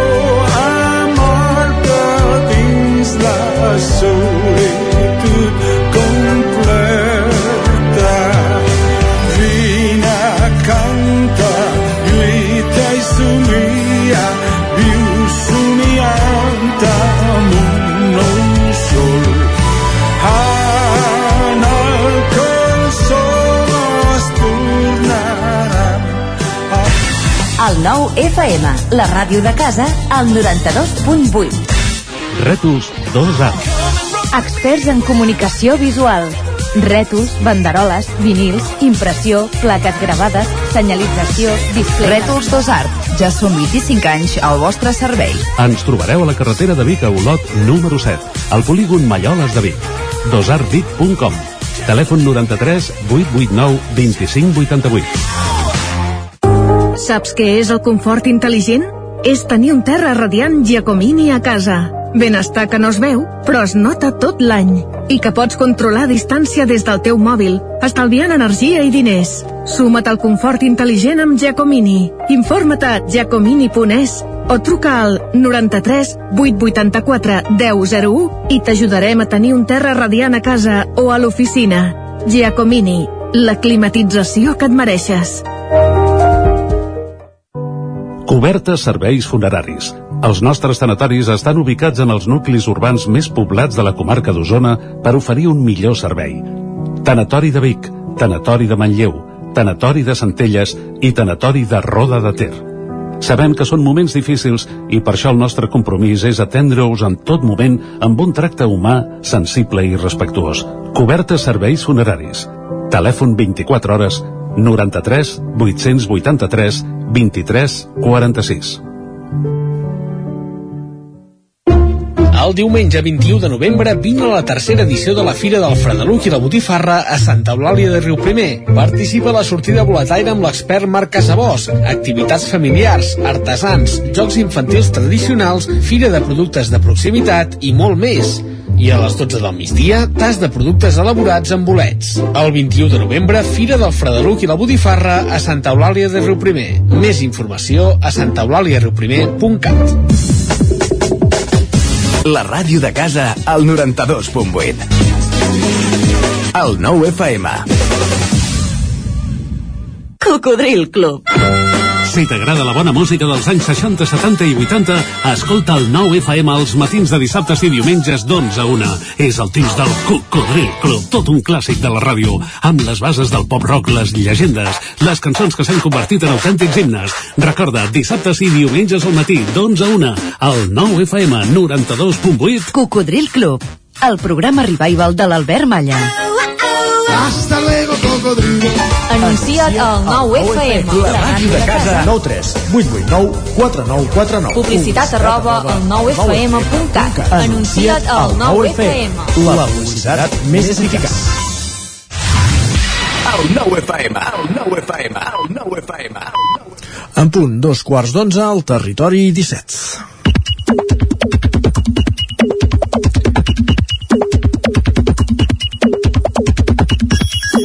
I l'hora i la sintonia ens indiquen que ens acompanya a l'estudi en Guillem Sánchez. I tant, ja el tenim aquí, cada dia ens acosta unes quantes piulades i procurem sucar-hi una mica de... De. De, pa, de, de, de, de melindros, del que faci falta. De fer una mica de caliu. Guillem, bon dia. Bon dia. Alguns se'ls està fent ja una mica llarga la setmana, Jordi Isaac, i per Twitter... eh, Home, ja ja queden, dos, eh? Sí, ja costa, queden dos dies encara, eh? No sé. La Roser ens escriu el meu truc per no saltar-me a la primera hora és recordar que sóc la professora, per tant és, eh, és un bon motiu per, per haver d'anar a classe aquest. Encetant les seccions d'històries d'escola hi ha hagut una d'en Xevi que m'ha fet molta, molta gràcia, diu Quin és? Ja. Els meus fills van fer la primària en una escola que treballava per projectes, molt fan, però em feien gràcia, posa entre cometes, alguns costums que allà van viure tots plegats, i en destacarem un parell d'aquests costums. Diu, esmorzar saludable. Cada matí alguns pares traien hores de la feina, jo no, per pelar fruita en comunitat. Allà s'esmorzava enrotllant a fruita de temporada i fruits secs. Diu, ara els meus fills esmorzen entrepà de pa congelat en fuet de casa Tarradellas i embolicat en paper albal. Per tant, els hi va semblar potser massa... Home, el del paper al val podríem mirar d'evitar-ho, l'altre és el que hi ha. És el que hi ha. Ho dic pe- pensant en escoles verdes, amb, amb el futur, etcètera, etcètera, ja ens entenem. I la segona costum diu el nom fa la cosa. Els nostres fills van anar a classes que rebien noms com llums i ombres o l'atelier. Jo no en tenia res. Jo de petit anava al B, la classe dels ni fu ni fa. Els bons anaven a l'A i els xungos a la C. Situacions de escola i de treball per Tot era més que entenedor, cert. Sí, em sembla que sí, em sembla que sí. Va, i ara un debat que m'ha fet molta gràcia i que ha obert un gran fil de respostes a Twitter. El comença l'Aida. Ens diu, no digueu que sou de poble si sou d'un lloc de més de 10.000 persones És perquè bo aquest, eh? no ho sou. Què en penseu vosaltres? És mentida, però vaja. Clar, és que el concepte, què, què, què vol dir ser de poble? No? És que és molt relatiu, eh? És una gran pregunta aquesta, és una gran pregunta i Clar, fet per, per un barceloní, un de Vic, intueixo que deu ser de poble, no? Sí. podríem considerar-ho. Uh, bé. Però al final, al final és com d'aquelles coses tan senzilles, i ara seré molt simplista, però és, és, és més com et sents tu que no pas mm, el que oficialment sigui un poble o ciutat, no? Mira, segurament jo crec que té a veure amb el xip eh, mental, amb la relació també que establim amb Social, l'entorn, exacte. amb la natura i sobretot amb la pagesia, ja veus què et dic. És a dir, amb- molts venim de, de tradició i d'avis i besavis, no cal ni dir-ho, pagesos, i això crec que es nota més que no pas si vius en un poble de 10.000, de 1.000, de 500 o, o d'un milió d'habitants. De Eh? fet, en Pep li fa una pregunta amb l'Aida que és i si tens censades 17.000 persones però sempre hi veus les mateixes 500 i es travessa de punt a punt en 10 minuts, tampoc és un poble? Aquí ja es queixava una mica en Pep, tot i que tampoc cal arribar, penso jo, als extrems que diu en Marc, que és he arribat a trobar gent de Terrassa dient que és de poble. I ho, remat, i ho remata en Xevi amb la següent afirmació, diu jo sóc de Torelló, 14.000 habitants, em considero de poble i demano disculpes. Bé, no sé, no si li hem d'acceptar o no aquestes disculpes, però si més no, si ell se sent de... no, no cal que demani perdó per res, tothom que se senti com vulgui, però jo insisteixo en afegir-hi aquest, uh, aquest element clau que és uh, l'herència o el substrat, entre cometes, eh, pagès, diguem-ne. Molt bé. I ens doncs, like, retuit i aplaudiments al tuit d'en Xevi. Més qüestions. Doncs va, seguim amb els problemes de la vida moderna. Diu l'usuari de llibre, el que més m'enfada d'haver perdut la targeta de crèdit és que no han pogut cobrar la subscripció Premium de Spotify i ara m'he de menjar els anuncis d'una boja que no para de repetir encara no ets Premium. Doncs pobre, pobre usuari. Bé, que compri discos físics i no tindrà aquest problema, tot i que en tindrà d'altres de problemes, eh? Aquesta plataforma també és la protagonista del tuit de l'Àlex que ens escriu que Spotify hagi posat les lletres de totes les cançons és clarament la millor notícia de l'any després de les alpaques de la Maria Àngels mm. i per gustos el món de la música és ben divers i peculiar com demostra l'Eloi que ens escriu ojalà una marató de Tele3 per tal que Sau i Sopa de Cabra no tornin a cantar mai més Home, doncs ja avancem que Sopa torna i que Sau també torna, eh? Dilluns que ve estrenarem una peça d'ells i l'any que ve tornaran amb disc nou. No serà Sau, serà Sau 30, però vaja. No, no, és Sau. Bé, es fan... Bé, és, és clar, no, és que és, és molt no, no, complicat. El, el, el, nom, el nom es fan ara altre cop, sí. Bé, el videoclip, que per cert ja es pot veure des, des d'ara, eh, es posa Sau 30. Eh, sí, sí, ho- l'he vist, eh? L'he vist aquest matí i fins i tot he escoltat la cançó que no sona pas malament i que l'escoltarem, eh? La punxarem sencera aquí Territori 17 dilluns. Doncs bé, ja avancen que tornen Sau, això sí, eh, sense Carles Sabater, però eh, és allò que es fan dir Sau 30 perquè no sigui dit, però escolta, no deixa de ser Sau i tothom els, els hi dirà i els hi diu Sau i tothom que faci el que vulgui, si I no tant. li agrada que tornin aquests grups que no els escolti que no els escolti també però els que tenim una edat, a vegades la nostàlgia també es posa bé, no? I per acabar, I per acabar la setmana, una reflexió d'en Pau que ens diu m'agrada molt la relació entre els cosins en què cap dels dos ens felicitem l'aniversari no per vagància o per maldat, maldat, sinó perquè sabem que en el fons el missatge ens és absolutament igual als dos. Va, que no costa res si algú fa anys o si algú és el seu sant, felicitar-lo encara que sigui amb una trucada o amb un missatge de... Avui dia un missatget, de, de WhatsApp, i no costa res. No costa res. Doncs va, eh, has felicitat algú avui, Guillem? Uh, no, encara no. Hauré Encara de buscar no. a qui felicitar primer. Va, doncs, per exemple, pots felicitar a la gent del grup Bon Preu que invertiran 48 milions d'euros en un centre logístic a Montblanc, a la Conca de Barberà. Això, apareix... això ja estàs llegint portades, eh? Està- està molt bé ja enllaç. hem enllaçat cap a les portades del 99.cat i hem anat cap a l'edició d'Osona i el Ripollès que obre amb això, amb aquesta notícia de que el grup Bon Preu eh, vol ampliar horitzons i tenir un centre logístic amb cara i ulls, en aquest cas per abastir les comarques tarragonines i també tot el sector de Ponent, on ja hi tenen molts supermercats, per cert també, però així també tindrien un centre logístic que sembla que s'instal·laria a Montblanc. Més coses que apareixen a la portada del 99.cat ara mateix d'Osona i el Ripollès, Mollà aprova un pla d'igualtat perquè homes i dones tinguin les mateixes oportunitats i també apareix que detenen una dona per robar en un pis de Ripoll. déu nhi més qüestions. Anem cap a l'edició del. Vallès Oriental, el, no- el 99.cat ara mateix obre explicant que un brot de la Junelosi a Montmeló i Montornès afecta a 26 persones. També s'explica que recuperen una bassa a Santa Maria de Martorelles per afavorir les poblacions d'amfibis. La fotografia és divertidíssima, per cert, d'aquesta peça. I que Canovelles dona material de suport a la dependència al CAP. A part també que mor un treballador en un accident laboral en una empresa de reciclatge de Granollers. Això és el que apareix ara mateix a les portades dels digitals del 99. Gràcies, Jordi. Convidem també en Guillem Sánchez, però saludem en Guillem Freixa i en Guillem Rico a la taula de redacció.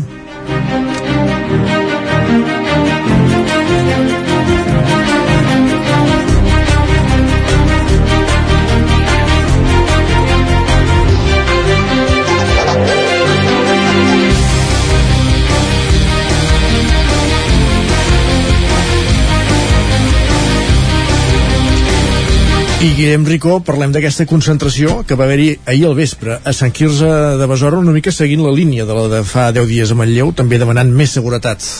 Sí, exacte. A Sant Quirze no estan acostumats a que hi haguessin tants problemes de seguretat com els que estan tenint les últimes setmanes i mesos. Eh, recordem que aquesta setmana, per exemple, això es va cremar un, van cremar un cotxe, eh, van robar un altre cotxe que després van estampar una mica sense voler els lladres també, eh, perquè tenien el volant bloquejat a l'oficina de CaixaBank. Um, també van robar les banderes del balcó de l'Ajuntament eh, entre d'altres. Mm, hi ha hagut robatoris en comerços hi va haver l'incendi també intencionat com el del cotxe aquest de, del bar de la piscina. Per tant van passant coses i eh, en aquest cas però la diferència amb Manlleu és que la convocatòria de concentració la va fer el mateix Ajuntament Carai. eh, i això tampoc és tan habitual no? Governat per entendre's per Esquerra i la CUP. eh, governat per, per Esquerra i la CUP també amb el suport de, de Junts de fet van llegir un manifest i el van llegir de forma conjunta perquè van dir que en això doncs, anaven tots, tots a una eh, i l'objectiu d'aquest acte era eh, en part doncs, que explicar una manera de no? Mm, van donar-li la volta entre cometes i per, per, van convocar ells a la gent per explicar-los eh, que estan fent coses i mm, per allò per donar suport a les persones que han estat víctimes i també per explicar una mica el que estan fent, no? per respondre a aquesta inquietud que, que els arriba per part de, dels veïns. I ells el que volen fer és això, no? que vegin, de, deien que vegin que, que ens fem sentir que els de dalt no? reclamaven una mica la, eh, més presència policial també, no? també és curiós que bueno, a vegades depèn de quins partits en un lloc diuen una cosa i l'altre l'altra però demanar més presència policial i també demanen això, no? que, que és una modificació de, de les lleis diguem perquè mm, a vegades això per petits delictes um, doncs clar, el, allò diuen no, és que els agafen i els deixen anar l'endemà. Uh -huh. uh, doncs perquè també es penalitzi més la, la reincidència. Um, van explicar també que hi han diferents investigacions obertes que esperen que donin fruit aviat. També oficialment no ho deien però uh, això uh, gent s'acostaven amb l'alcalde i li deien però sabeu qui són oficialment no ho saben però tots, Però més o menys sospites. tothom té sospites també parlàvem amb la senyora a qui li van cremar el cotxe um, aquesta setmana. I clar, ella també saben qui són. De fet eh, li van fer una entrevista eh, i avui ens demanava si plau que no la traiem per la tele perquè, perquè estan espantats realment la gent perquè saben qui són i no, només falta que sortim a la tele i ens vinguin i ens diguin alguna cosa. Per tant això, la gent estan, estan preocupats també allò una mica a veure què passarà avui no? perquè van a, a un fet delictiu per dia. És allò pendents de, de veure què passarà aquell dia. Uh, i llavors ahir doncs, van iniciar aquesta recollida de firmes també, només amb l'estona que va durar l'acte que va ser una mitjoreta doncs ja en van recollir 371 de fet és gairebé tothom que devia ser allà a la plaça perquè hi havia això al voltant de, de 400 o 500 persones perquè també hi havia menors, eh, etc i gent de diferents edats. Um, i aquestes firmes doncs, el que faran és fer-les arribar al, als Mossos d'Esquadra, al Departament d'Interior i als jutjats um, per fer, no, per fer aquestes, aquestes peticions de, eh, que dèiem de, de, més, de més seguretat, diguem, de més presència policial de, i aquesta modificació de les lleis, rem- remarcàvem molt això, no?, de- d'aquesta penalització de la, de la, de la reincidència. Uh, això, de moment que sapiguem aquesta nit no, no ha passat res. També s'ha de dir que ahir al haver-hi la concentració també hi havia, també hi havia més Mossos, no? Però, però de moment que sapiguem eh, ja hem parlat amb l'alcalde aquest matí no, no hauria passat no hauria doncs passat diversos casos res. que fan incrementar aquesta sensació d'inseguretat i la Sí, gent exacte. responia a Sant Quirze I a l'acte també eh, hi havia representants dels ajuntaments de, de, del voltant, perquè també parlàvem amb l'alcalde de Montesquieu, i allà també s'han trobat amb, amb robatoris, amb, amb, amb actes d'incivisme de trencar vidres per intentar entrar en algun lloc també agafar, agafar coses per tant això, hi havia suport de, dels ajuntaments també de Montesquieu, de Vidrà i de, i de Santa Maria de Besora que també van ser allà durant aquest acte. Perfecte, moltíssimes gràcies Guillem. I parlem ara amb en Guillem Freixa. Uh, avui publica el 9-9 aquest ampli reportatge sobre La unitat de cures pal·liatives de l'Hospital de la Santa Creu de Vic, que és un referent a nivell, anava a dir, mundial, i poder no quedeu curt del tot. No, no, no, no perquè hi ha un referent mundial eh, vinculat a, a la Santa Creu, també a la Universitat de Vic amb la càtedra de cures pal·liatives, com és Xavier Gómez Batista, eh, que va impulsar aquesta unitat de cures eh, pal·liatives, eh, una unitat, una disciplina de la medicina relativament jove, a nivell mundial eh, uns eh, 60-70 anys, a nivell de la comarca d'Osona, superant la trentena d'anys aquesta unitat de cures pal·liatives. Eh, I què és aquesta unitat de cures pal·liatives? Perquè hi han molts dubtes, a vegades és una, una disciplina mal entesa, una unitat mal entesa, pal·liar, eh, segons el diccionari, mm, significa atenuar les conseqüències negatives eh, d'un fet. Eh, com dèiem, aquesta definició extreta de l'Institut d'Estudis, del Diccionari de l'Institut d'Estudis Catalans, ens obre la porta a entrar a conèixer aquesta disciplina que, com dèiem, sovint està mal eh, entesa, i és que des de l'Hospital Universitari de la Santa Creu, el seu eh, director assistencial, Joan Espaul Espaulella, Espaulella, remarcava que les cures pal·liatives l'objectiu que tenen és millorar la qualitat de vida del pacient i de les seves eh, famílies.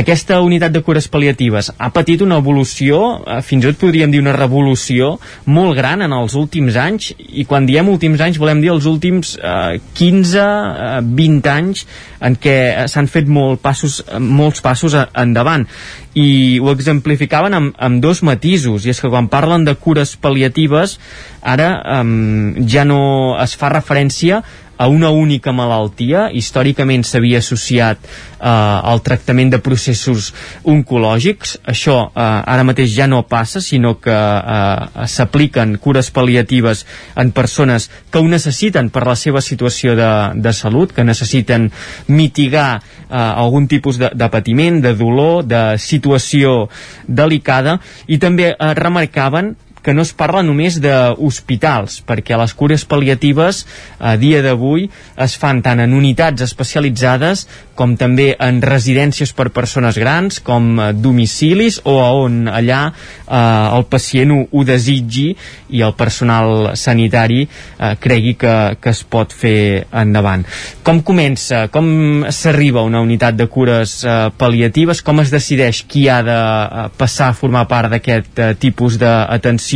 Doncs es basa, en primer lloc, per la identificació precoç d'una situació de fragilitat, i és important aquesta paraula, fragilitat, perquè, com dèiem, ja no eh, s'apliquen cures pal·liatives només en persones que es troben en processos de final de vida, com a vegades eh, es, es pensa, sinó que també s'aplica en persones que per el procés que estan passant en aquell moment, perquè han estat operades eh, repetides vegades en un termini de temps molt, molt petit, necessiten un, un suport, una assistència específica, en persones eh, amb, amb demència avançada, eh, amb geriatria també eh, s'apliquen aquests eh, pal·liatius, i com dèiem, aquesta identificació precoç es divideix en, en diverses trajectòries segons cada cas.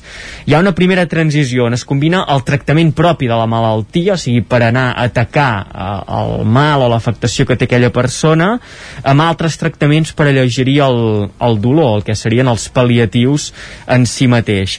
Això seria un, una primera transició i aquí hi ha molta gent que passa per aquesta unitat de cures pal·liatives un temps i després en surt. I després hi hauria una segona transició en què l'evolució del pacient doncs, ens porta a un eh, tram final de, de vida on eh, no hi ha marxa enrere i aquí sí que es prioritza el control dels eh, símptomes d'aquella malaltia i com ens eh, deien també des d'aquesta unitat finalment s'ajuda a sedar i a morir. L'objectiu sempre és alleugerir i acompanyar aquest dolor i un dolor que, que no és només físic i tampoc és exclusiu del pacient perquè al voltant del pacient hi ha tot un entorn eh, familiar i les cures pal·liatives també incideixen en aquest fet. Com es fa això? Doncs amb un equip que ha de ser el màxim d'interdisciplinari possible, això vol dir òbviament, metges, eh, infermers i infermeres, personal sanitari especialitzat, però també eh, psicòlegs, treballadors eh,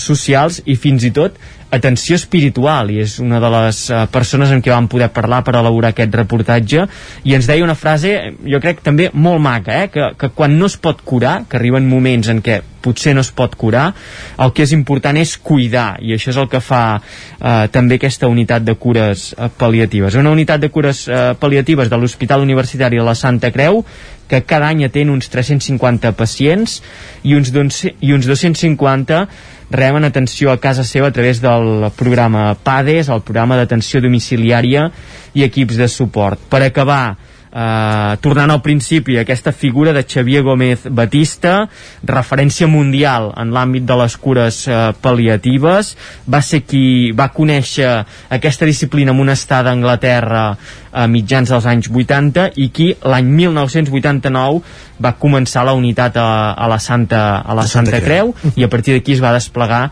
també per tot Catalunya aquest model de cures pal·liatives. I a dia d'avui, a Osona continua sent referència perquè a través de la Universitat de Vic hi ha la càtedra, càtedra de cures pal·liatives que permet aprofundir en innovació, en recerca, en debat per uh, continuar avançant en aquesta disciplina de les cures pal·liatives. Per tant, uh, una mica a la comarca d'Osona som embrió i també referència en innovació i, i recerca. Moltíssimes gràcies, Guillem, per, per aquesta explicació llarga i entenedora i acabem aquí la taula de, de redacció. Continuem al territori 17, anem a repassar l'agenda esportiva.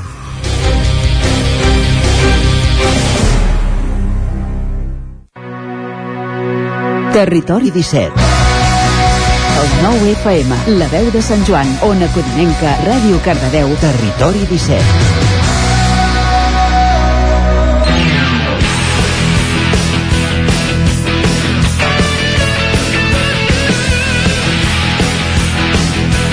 La música que ens aboca a parlar d'esports al territori 17 i avui, com cada divendres, el que fem és repassar l'agenda dels equips de les nostres comarques, de les nostres zones, per saber quins enfrontaments tenen al cap de setmana.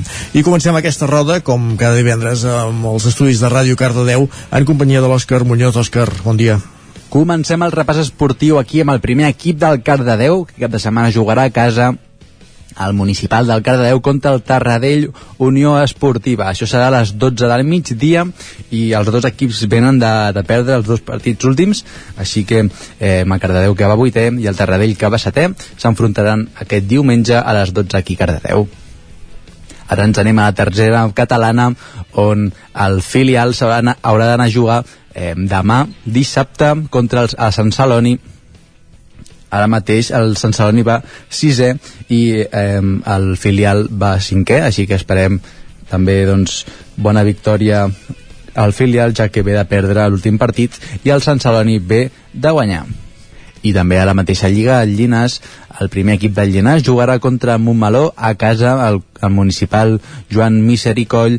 Això serà a dos quarts de cinc demà mateix a Llinas i acabem el futbol amb el Granollers eh, partit més o menys assequible podríem dir ja que juga contra els 14ens eh, que és el Castell de Fels i a sobre juguen a casa al, al municipal de Granollers així que el del carrer Girona a dos quarts d'una de diumenge a Granollers els 15ens contra els 14ens i ara comencem amb l'handbol, amb el sènior masculí, que cap de setmana, eh, exactament diumenge, jugarà a les 7 aquí a casa, jugarà contra l'handbol Garbí. Actualment eh, va cinquè a l'equip de Palafrugell i eh, el primer equip del, del Cardedeu doncs, va setè i també eh, les noies jugaran aquest cap de setmana també diumenge a les 12 del migdia contra la Roca actualment la Roca i el, i el, i el Cardedeu estan situats a la part baixa de la classificació. Eh, el Cardedeu va per sobre sisenes i les de la Roca doncs van setenes. I acabem amb els dos grans equips situats a les lligues eh, espanyoles. El primer de tot eh, demà mateix a les 6 de la tarda el Granollers jugarà fora de casa contra el Costa del Sol de Màlaga això serà, com hem comentat, el pavelló Villa de Frigliana actualment doncs, eh, el Màlaga està situat a la quarta posició venen de descansar i el Granollers doncs, ve també d'aquest partit menys i que el cap de setmana passat va baixar una posició fins la vuitena de la Lliga Guerreres d'Iberdrola. I acabem amb el Franking que juga avui a dos quarts de nou de la nit a, jugarà fora a Cuenca al pavelló polideportivo eh, El Sargal. I en aquest partit doncs, el Franklin ho té bastant millor ja que eh, l'Incarlop Cuenca està situat a la deuena posició i doncs portava una ratxa molt dolenta de tres partits perduts. En comptes el, el Franking ve de perdre però portava una, eh, una bona moment a la Lliga de tres partits guanyats. I fins aquí seria el repàs esportiu per aquest cap de setmana en aquesta zona del Vallès. Gràcies, Òscar. Anem de Ràdio Cardedeu fins als estudis d'Ona Codinenca, on hi ha la Caral Campàs, com tenim l'agenda pel cap de setmana. Hola, doncs mireu si us sembla, començo per l'hoquei. Uh, les noies del Vigues i Riells viatgen al camp del Voltregà diumenge a les 4 de la tarda. El Vigues està al número 10 de la classificació amb 3 punts que just va guanyar el cap de setmana passat amb el primer partit uh, dels disputats guanyat, uh, el segon que disputaven, contra el Vilanova, que van, es van emportar les del Vigues per 3 a 2. Uh -huh. I les del Voltregà, d'altra banda, de moment no s'han endut cap victòria. Veurem com va aquest partit diumenge a les 4 de la tarda a Osona, a la comarca d'Osona. I fas bé de dir que es veurà perquè es veurà per televisió també aquest partit. Diumenge a les Caldes eh, Voltregà Bigues. Bigues, eh, en directe Bigues i Riells. per les televisions de la xarxa, entre elles el Nou TV. Molt bé, continuem, Caral. Seguim el primer equip del Sant Feliu de Codines de Patins, que el tenim a segona divisió, s'enfronta al Dominicós demà a les 8 del vespre. Els codinencs es desplaçaran al camp de la Corunya i ho tindran complicat amb un Dominicós que és segon amb 9 punts i el Sant Feliu és setè amb 6 punts. I me'n vaig al futbol. A segona catalana, Alcaldes s'enfronta al Sant Julià de Vilatorta demà a les 4 de la tarda. Els calderins viatgen al camp dels usonencs per disputar contra els qui són coers d'aquesta classificació de segona catalana i Alcaldes és tercer amb 16 punts. I a tercera, els tres equips moianesos reben equips usonencs. El Moià rep el Voltregà demà a dos quarts de cinc de la tarda. Uh, el Voltregà uh, és líder de la classificació amb 23 punts i el Moià són sisens amb 17 punts. S'espera, per tant, un partit renyit on els moianesos ho, ho, donarà, ho donaran tot. Uh, I el Sant Feliu de Codines, que també el tenim a tercera, rep el Centelles diumenge a les 12, un derbi emocionant entre dos equips separats per només dos punts i lluitant per aquesta segona posició de la classificació.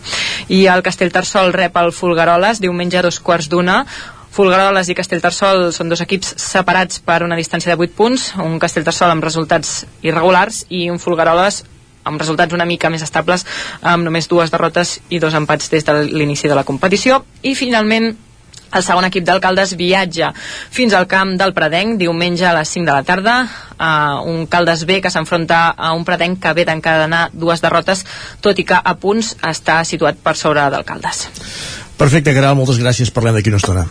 Fins ara Fins ara. I anem cap a la veu de Sant Joan amb l'Isaac Muntades per conèixer l'agenda dels equips del Ripollès. Bon dia, Isaac. Do, doncs sí, sí, tenim una agenda carregadeta, eh? Ah, I això és bo.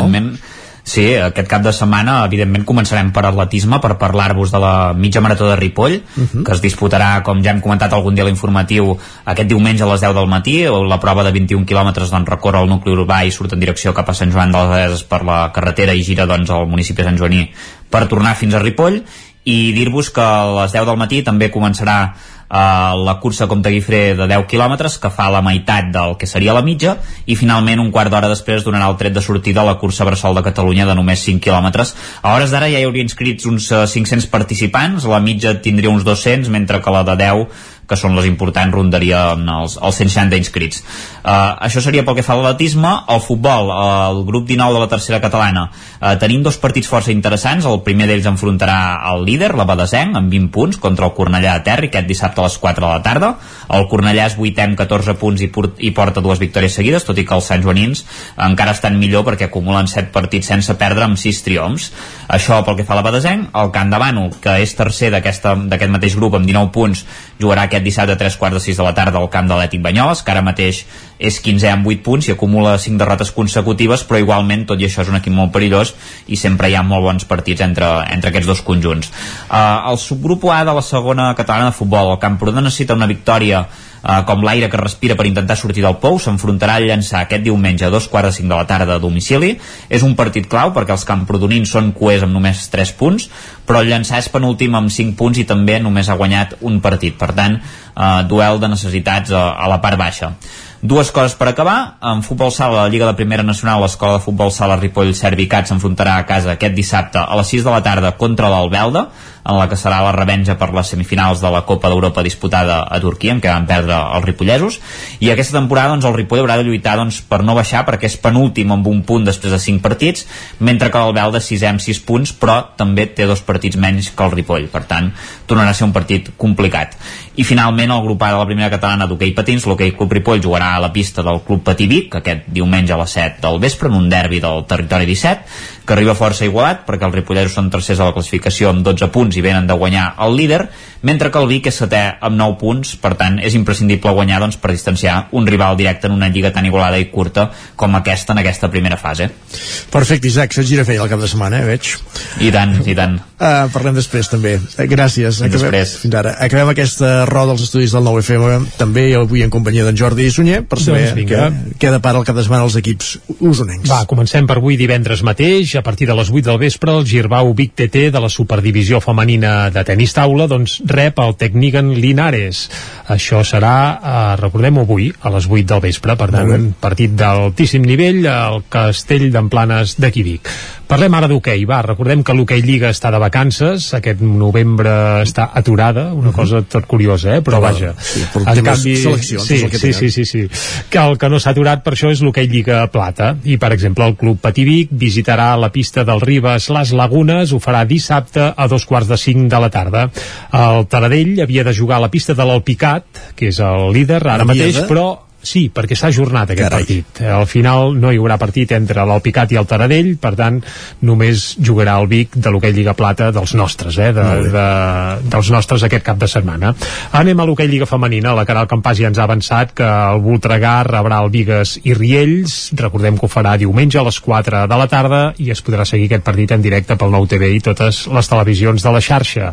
L'altre equip eh, nostrat que tenim a l'hoquei Lliga Femenina és el Martinelli a Manlleu, que ara mateix és líder perquè ha guanyat tots els partits, no en solitari, comparteix liderat, i si vol defensar el liderat, doncs haurà de guanyar a la pista del Vilanova i jugarà aquest dissabte a dos quarts de nou del vespre. Molt bé. Deixem l'hoquei i anem Anem al futbol. al futbol. Va, futbol, primera catalana, cap de setmana de nou de derbis. Hi ha tants equips usonencs que Quatre. pràcticament trobar un cap de setmana sense derbis és un miracle, eh?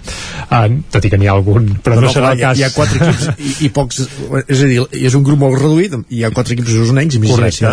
Doncs va, el derbi d'aquest cap de setmana serà entre el Tona i el Manlleu i aquest derbi jugarà dissabte a dos quarts de quatre de la tarda eh, a Tona, uh -huh. evidentment. Me- El Vic, el Vic no tindrà derbi, jugarà també dissabte a casa contra el Sant Boià. Ho farà en aquest cas a les 4 de la tarda, per tant, si aneu a veure el Tona eh, i Manlleu, diguem que és incompatible amb anar a veure el Vic, eh? I el Vic Riu primer jugarà al camp del Sant Feliuenc, en aquest cas també dissabte, però a les 6 de la tarda. Aquests són els enfrontaments, diguem-ne, usonencs de primera catalana. Derbi interessant entre els dos equips que estan en més, en més en forma ara mateix usonencs, no? El Tona i el Manlleu. Sí, el Tona i el Manlleu jo crec que pot ser un molt bon partit. Recordem que ara mateix el Tona és líder, precisament, i el Manlleu oh, és irregular, eh, aquest Manlleu, perquè tot plegat, una de freda, una de calenta, sembla que agafa la bona... I tot plegat, uf, la, la setmana passada mateix va perdre. Uh, és una mica irregular, aquest Manlleu. Clar, té jugadors molt joves i això a vegades ho té, que passen, passen coses. Dilluns explicarem aviam qui s'ha anat? aquest derbi, evidentment, aquí a Territori 17, com sempre. Futbol femení. Anem a futbol femení, va. Uh, primera nacional catalana, el grup 3, on hi tenim el Vic Riu primer, que recordeu-ho és el principal equip del territori 17 pel que fa al futbol femení, doncs jugarà al camp del Sant Gabriel. Ho farà el diumenge a les 6 de la tarda. El Vic Riu primer que porta una ratxa una mica negativa, perquè el camp del Sant Gabriel doncs, no hi ha guanyat mai. I a més porten dues derrotes consecutives. Uh, el Sant Gabriel, a més, és el tercer classificat, per tant, és un partit complicat, però tant de bo les biguetanes se'n surtin airoses. Diumenge, a les 6 de la tarda, doncs això, aquest enfrontament entre el Sant Gabriel i el Vic Riu Primer femení. I bàsquet per acabar o...? I acabem amb bàsquet. Va, sí, ràpidament, un apunt de, de bàsquet, perquè el Club Bàsquet Vic jugarà aquest dissabte a la seva pista, al pavelló Castell d'Emplanes. Recordem que el Club Bàsquet Vic juga a la Lliga EVA i rebrà la visita del quart. Això serà dissabte a un quart de nou del vespre. El quart de és un Girona, eh? No és el quart sí. classificat. No, bé, uh, crec que sí, veus? Perquè està a la zona mitja i jo crec que el quart va quart. La, el joc de paraules és, és molt fàcil, I però... a un quart de nou, molt bé. A un quart de nou, sí. Si el Vic guanya, avançarà el quart a, a la classificació i potser es posa quart o tercer, ja ho veurà. Això. Veurem. Molt. Gràcies, Jordi. Doncs. Anem a actualitzar-nos després d'aquest repàs a l'agenda esportiva. De fet, ens actualitzem quan passen dos minuts, i mi dos minuts del punt de les 11. Territori 17, amb Isaac Moreno i Jordi Sunyer.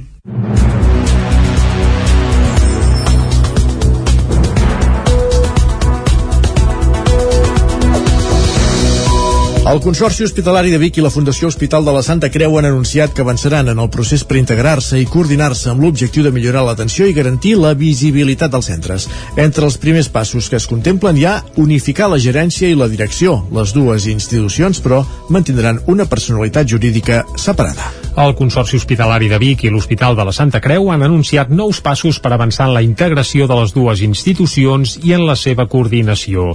Entre els nous escenaris que es plantegen, el primer és que la gerència i les direccions siguin compartides. En un comunicat conjunt, el Consorci i la Fundació Hospital de la Santa Creu expliquen que la gestió integrada faria possible una planificació conjunta amb l'objectiu de millorar l'assistència sanitària i social, potenciar el desenvolupament dels equips professionals i garantir també la sostenibilitat dels centres.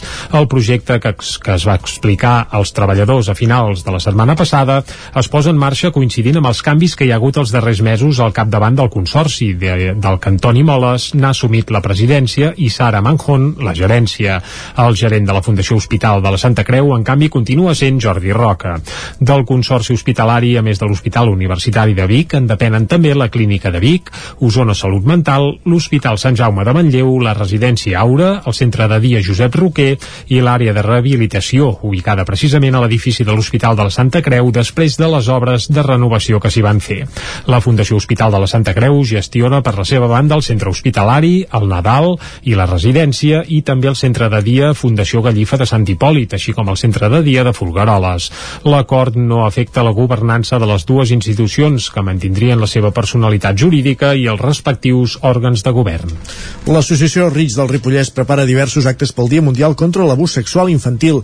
Isaac Muntades, des de la veu de Sant Joan. Aquest divendres se celebra el Dia Mundial contra l'Abús Sexual Infantil i l'Associació Rits del Ripollès organitza diversos actes per tal de conscienciar i donar visibilitat a aquesta realitat. Bàsicament, les activitats es duen a terme a Ripoll. Aquest divendres, a les 6 de la tarda, hi haurà una xerrada en línia de la psicòloga amb 15 anys de trajectòria, Elisenda Pasqual. Per inscriure-s'hi només cal enviar un correu a l'associació i a dos quarts de 10 de la nit i per només 5 euros al Teatre Comtal de Ripoll projecta la pel·lícula Gràcies a Dios, que parla d'una sèrie d'homes que s'assabenten que el sacerdot que va abusar d'ells quan eren Boy Scouts segueix treballant amb nens i iniciant una campanya per donar-ho a conèixer. Coincidint amb el Dia Universal dels Drets dels Infants, la ripollesa Carme Bruguerola farà l'hora del conte a la plaça de la Lira a les 12 del migdia aquest dissabte, amb que la força ens acompanyi. Tot seguit es llegirà un manifest. A més, fins al 26 de novembre, el Centre Cívic La Confiança de Camp de Bànol acollirà l'exposició Tabú, que són un conjunt de làmines d'il·lustracions amb colors molt vius i adreçades als infants. Pel que fa a xifres, l'Organització Mundial de la Salut constata que un de cada cinc menors pateix abús sexual abans de fer 17 anys. Rosa Jiménez, membre de l'associació, apunta que la Covid-19 ha greujat algunes situacions. el Covid, el fet d'estar tancat a casa i moltes vegades quan també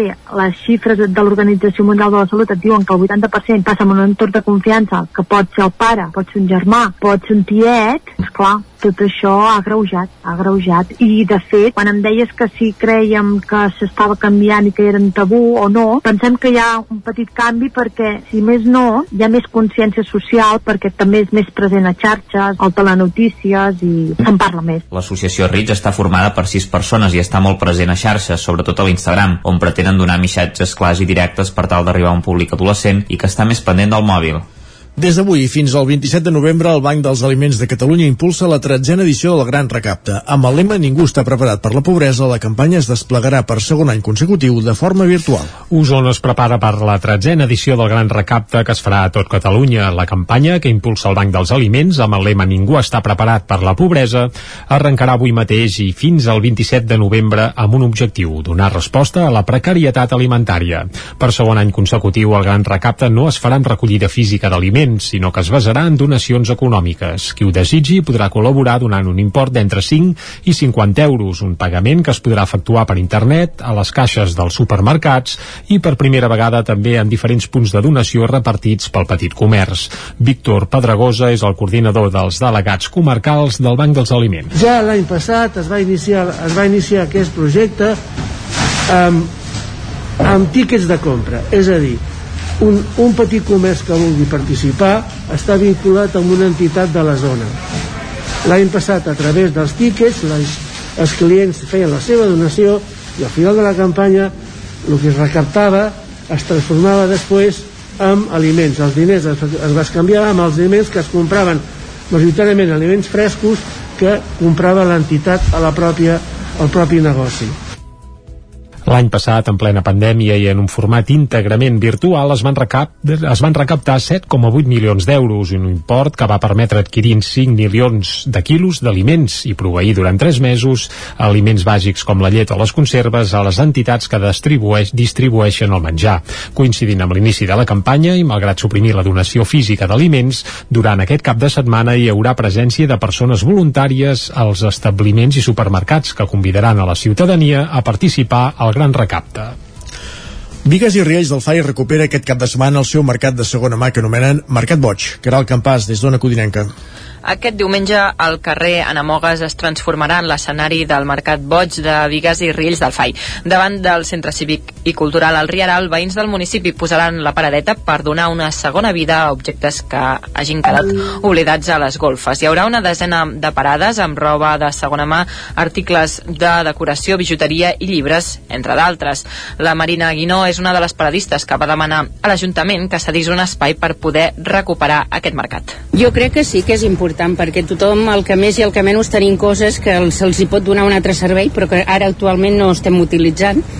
I dius, bueno, pues, si ho fan pues, de vegades ho comentem amb les amigues ens regalem moltes coses i dius si li podem treure un profit pues, altra gent pues, va bé reciclar no anar-ho tirant a l'abocador.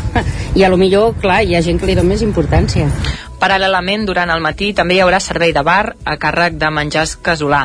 Des de l'Ajuntament creuen que pot servir de ganxo perquè els veïns s'acostin al mercat. El regidor de Promoció Econòmica, Toni Verdugo, comentava que des de l'equip de govern han vist bé recuperar aquesta activitat que funciona també en d'altres pobles de la zona. no ho he inventat nosaltres, hi ha altres municipis que ho fan, ens va semblar bona idea.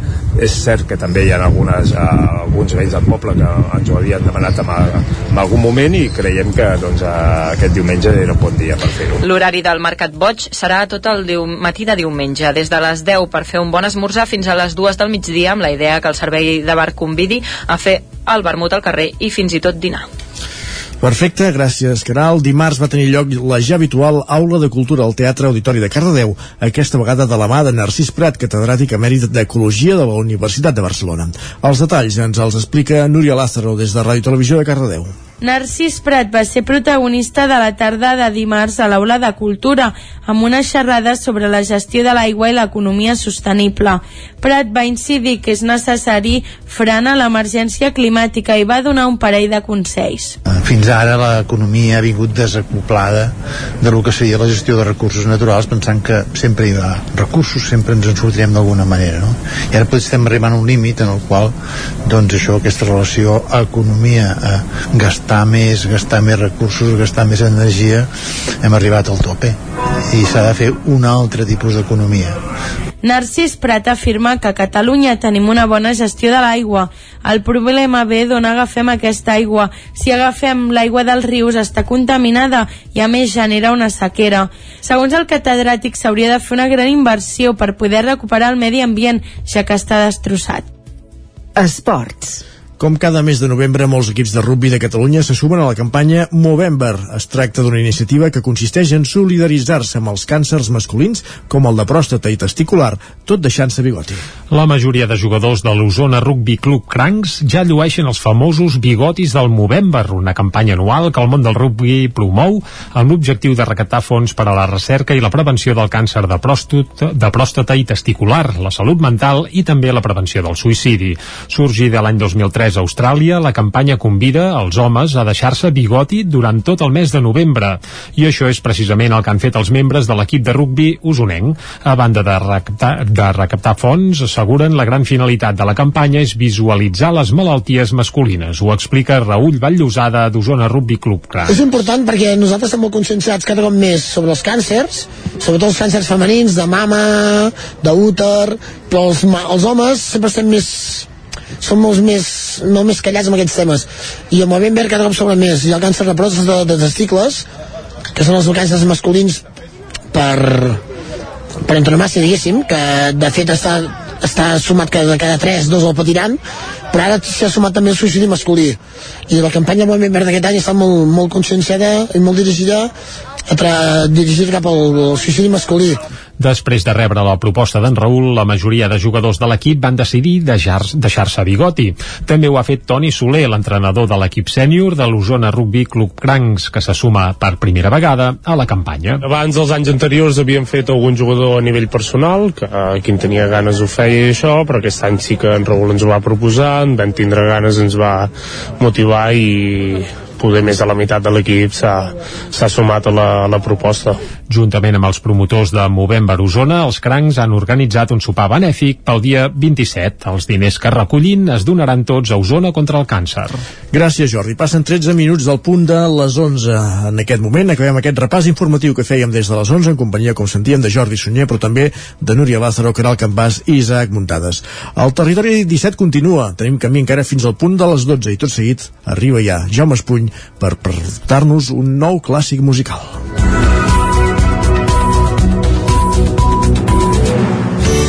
Territori 17. Envia'ns les teves notes de veu per WhatsApp al 646 079 023. 646 079 023. WhatsApp Territori 17.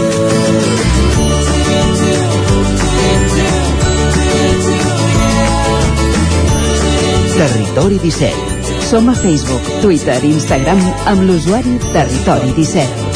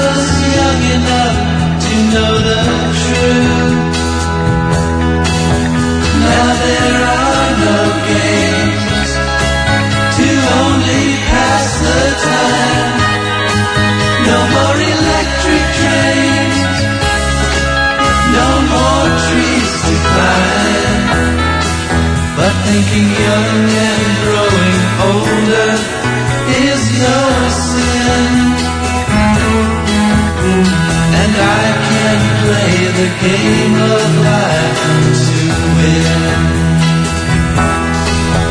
Jaume Espuny, bon dia. Molt bon dia. Què ens portes avui? Avui, eh, continuant amb aquella llista dels meus 10 discos preferits, porto un grup, un disc de l'any 1968, o sigui, abans d'ahir, com qui diu. El, el número 9, eh, de la teva llista. El número 9, exactament. El, el número 10 era la setmana passada. El número 9 eh, és un disc que es diu The Notorious Bert Brothers, que el grup és els de Bert. Uh, anirem calmats, eh? Avui, Bé, eh, està bé. música Sí. De pausa. Diuen que va bé. Sí, algú, alguna vegada algú parlant d'aquest disc o dels vers, doncs, però què té aquest disc? No ho sé, però a mi m'encanta, eh? Ja està. Per, per això. És el més important al final. Exactament, és molt evocador del, dels anys 60, de, de, dels de, de, de la costa oest de, dels Estats Units eh, els versos van ser els inventors entre cometes del folk rock. Eh, m'encanta aquesta guitarra que es va sentint sempre que és eh, la guitarra del líder el Roger McQueen guitarra de 12 cordes i sobretot les veus ja dic veus angelicals els cors de veus són estan, estan molt bé Eh, però aquí a més a més eh, ja havien evolucionat des de, des de que van treure el primer disc l'any 65 i també hi ha si vols una mica de psico- psicodèlia que, que als anys 67-68 estava a l'auge i fins i tot ja si, si convé. Eh, eh, aquesta cançó que estem escoltant és Going Back és de la Carol King que encara no cantava la Carol King només Composava. componia amb el, composava exactament amb, la, amb el seu marit que ara Geffin em sembla que es deia i, i ara escoltarem una altra que també eh, és de la una altra, és de la Carol King Was Born to Follow.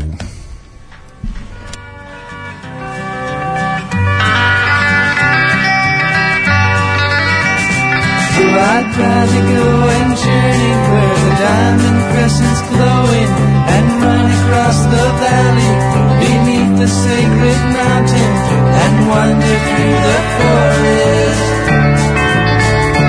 where the trees have leaves of prisms and break the light in colors that no one knows the names of. And when it's time, I'll go and wait beside a legendary fountain till I see your form reflected in its clear and jeweled waters. And if you think I'm ready, you may lead me to the chasm where the rivers of our vision flow into one another.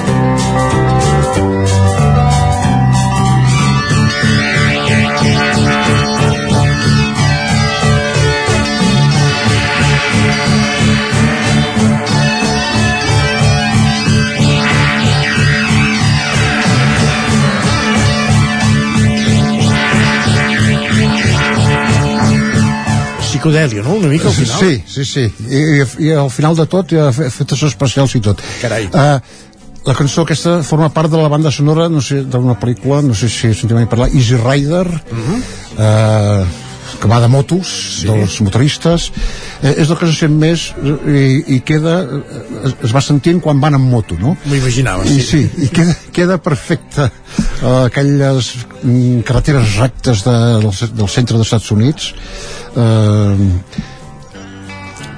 eh, el que volia també esmentar és una mica la portada una Sí. portada una mica famosa que es veu quatre finestres és una- d'una granja eh, amb una finestra hi ha el baterí ah, hi ha el Chris Hillman el baix, compositor també el Roger McGuinn, el líder dels 12 cordes i el bateria, el Michael Clark i la quarta hauria d'haver-hi el David Crosby. I no hi és. I no hi és, hi ha un cavall. Carai. eh, sempre han negat que fessin una broma o que vulguem dir. El David Crosby eh, poc abans de sortir aquest disc es van barallar perquè es veu que tocava molt els nassos el David Crosby i es van barallar i el van fer fora del grup. D'acord.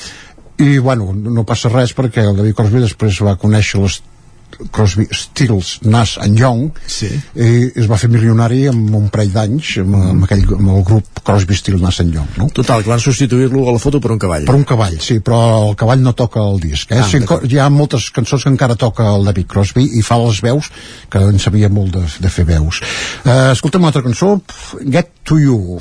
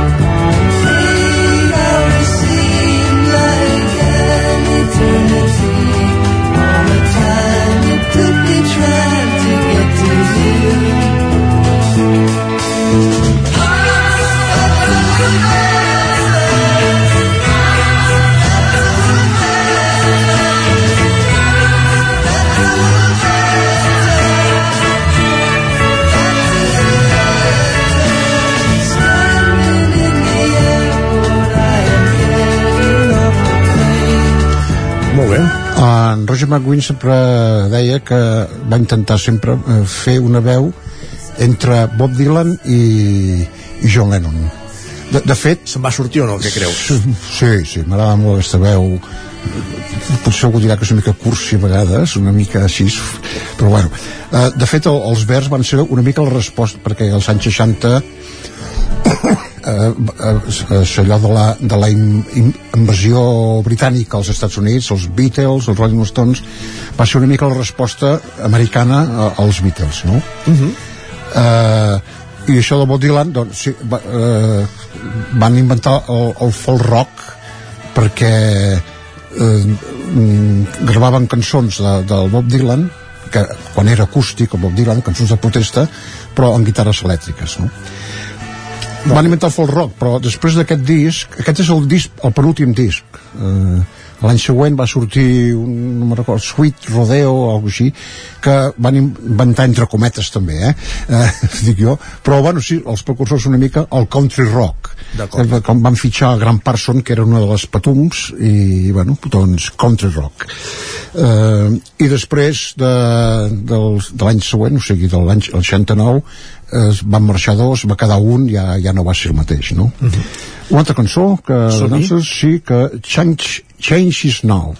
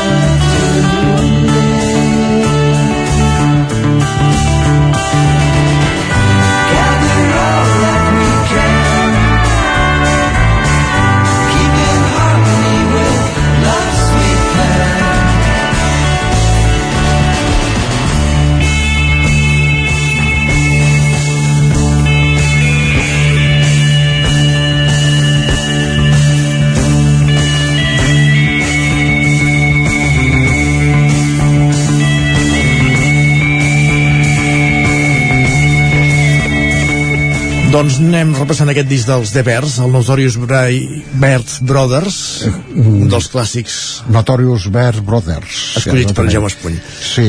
Uh, si t'hi fixes, eh, és molt... re- Sempre és la, la guitarra aquesta que es va sentint, ting, ting, ting, que és Sí. sí. 12 cordes del Roger McGuinn, i els cors de veus, els jocs amb els veus, que jo sempre he pensat que eren...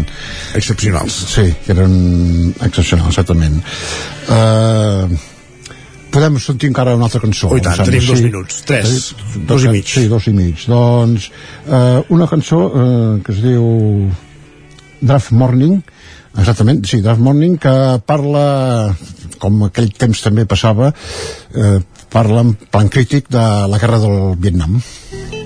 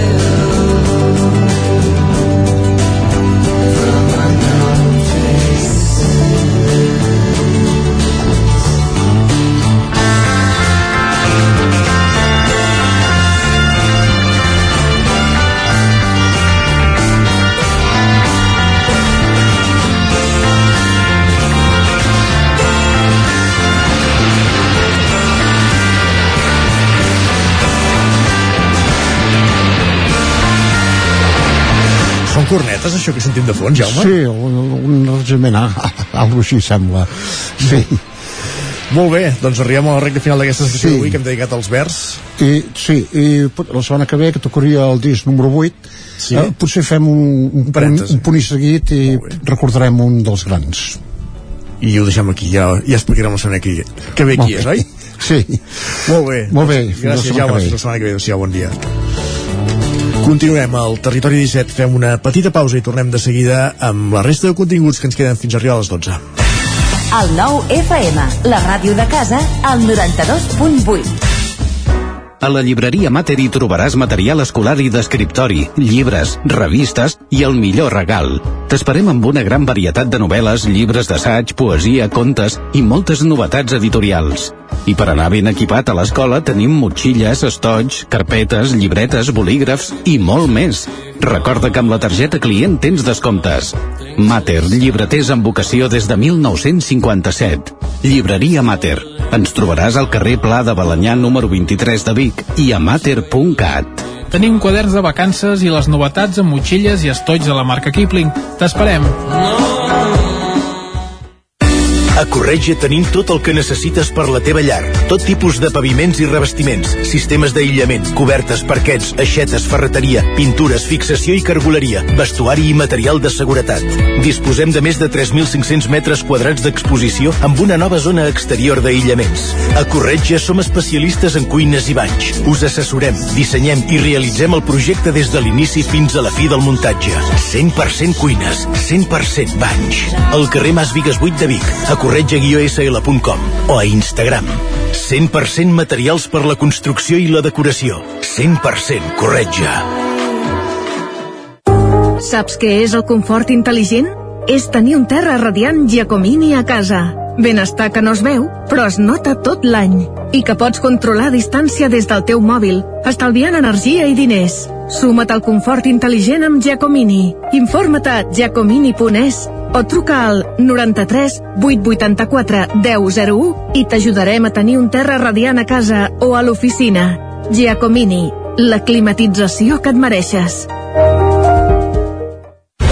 El racó de León. Gaudeix de la nostra terrassa. Vine a tastar les xuletilles de lechal a la brasa amb una bona amanida o el xuletón de vedella gallega. No et pots perdre el nostre lechado de Castilla al forn o el cochinillo a l'estil de Segovia. Tot acompanyat del millor celler, al menjador o fora la terrassa. Descobreix la millor cuina de Lleó sense moure't de casa. Vine amb la família, els amics, la parella o sol. T'encantarà. El racó de León, cuina tradicional lleonesa i de mercat. Som al carrer Torelló número 35 de Vic. Per reserves, telèfon 93 889 1950. El racó de León, una cuina diferent. Som especialistes en cargols a la llauna. Vine a tastar-los al racó de León. Anuncia't al 9FM, la ràdio de casa. 9 3 8 8 9 4 9 4 9 Publicitat arroba al 9FM.cat. Anuncia't al 9FM. La publicitat més eficaç. El 9 FM, el 9 FM, el 9 FM, el 9 FM, el 9 FM. Territori 17 A Tren d'Alba. Cada dia els usuaris de la línia R3 de Rodalies que veuen sortir el sol des d'un vagó ens expliquen les gràcies i les penes del primer comboi que uneix Ripoll i Barcelona. Benvinguts a Tren d'Alba. En una piulada a Twitter, Rodalies diu que pots consultar els trens accessibles a l'APP i al cercador d'horaris del web de Rodalies. Només cal indicar trajecte i consultar si el tren és accessible mitjançant la icona de la cadira de rodes. També alerten que el vagó accessible sempre és el del mig. Llàstima que la gent els hi desmunti una mica tot plegat. Un usuari diu que l'aplicació ja no reporta els horaris reals i és un fake. L'altre diu que també calen ascensors i escales mecàniques que funcionin a les estacions. I finalment, un altre diu que si s'anuncia un canvi de via en pocs minuts o segons, doncs no és un tren accessible. Us deixo ja amb la darrera crònica de la Glòria Francolí de la setmana. Hola a tothom, aquí la Glòria des de la R3, avui, el tren que ha sortit de Barcelona. A les 17.32 ha arribat a Torelló amb 16 minuts de retard, bastant més tard del que havíem d'arribar, no sé si tindré temps d'anar a fer tots els encàrrecs que volia fer. Però bé, ja sabeu que això, quan es va amb tren, no ho pots preveure. A veure, avui el tren ha sigut un viatge superplàcid. La primera part del trajecte, quan he pujat a l'estació de Sants, he dormit una estona perquè estava cansada perquè ara em llevo molt d'hora als matins i em convé perquè si em poso a llegir m'adormo per tant he dormit directament potser 20 minuts 25 com a molt i m'he despertat que ja estàvem a Montcada Ripollet i és que és una estació que aquest tren com que para totes les estacions doncs també s'ha parat i des de Montcada Ripollet fins a la Garriga he anat badant. Clar, ja està tot super fosc no es veu res i és una mica avorrit. I avui no, no tenia ningú amb qui xerrar o sigui que arribant a la Garriga m'he decidit a agafar el llibre i he estat llegint fins ara. Aquests dies estic llegint un llibre que es diu l'autobiografia que és de la vida de Sant Ignasi i bé, es- està bé. Ja sabeu que a mi la lectura m'agrada i llegeixo tot el que atrapo. Doncs no res, aquí ho deixaríem. Espero que tingueu molt bona setmana el que queda de setmana i ens veiem en algun parlem en algun dia de la setmana que ve o ens sentim més aviat vinga, cuideu-vos Entre la lectura i la becaina, la Glòria està molt còmode al tren, com podeu comprovar. Ara, ja si el tren arribés puntual seria tot un pas endavant. Va, ens retrobem dilluns amb més històries del tren i de la R3. Territori 17, el 9 FM, la veu de Sant Joan, Ona Codinenca, Ràdio Cardedeu, Territori 17.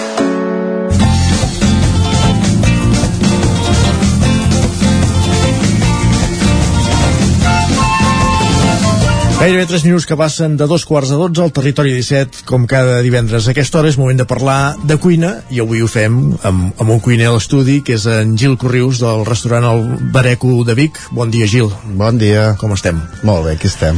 Avui et tenim aquí per doble notícia d'entrada. Avui torna a obrir el Bareco després d'un període de vacances i, i en un període en què heu aprofitat per fer una mica de rentat de cara al restaurant, però és que a més, a finals de mes, obriu una nova sala aquí a la ciutat de Vic, diguéssim.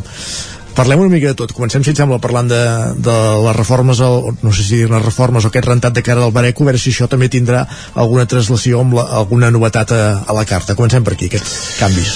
Sí, hem, hem fet un bon canvi perquè bueno, ens ha anat molt bé per al tema de, de fer el nou restaurant a dalt, bueno, que estem aquí al Corretgers número 4, uh -huh. cap aquí a prop de, a prop de l'Ajuntament i la història era voler, voler fer un bareco diferent mm, més un street food un street food bar de cuina mexicana i mediterrània totalment una, una fusió de, una fusió de, de cultures amb una cuinera me mexicana i jo.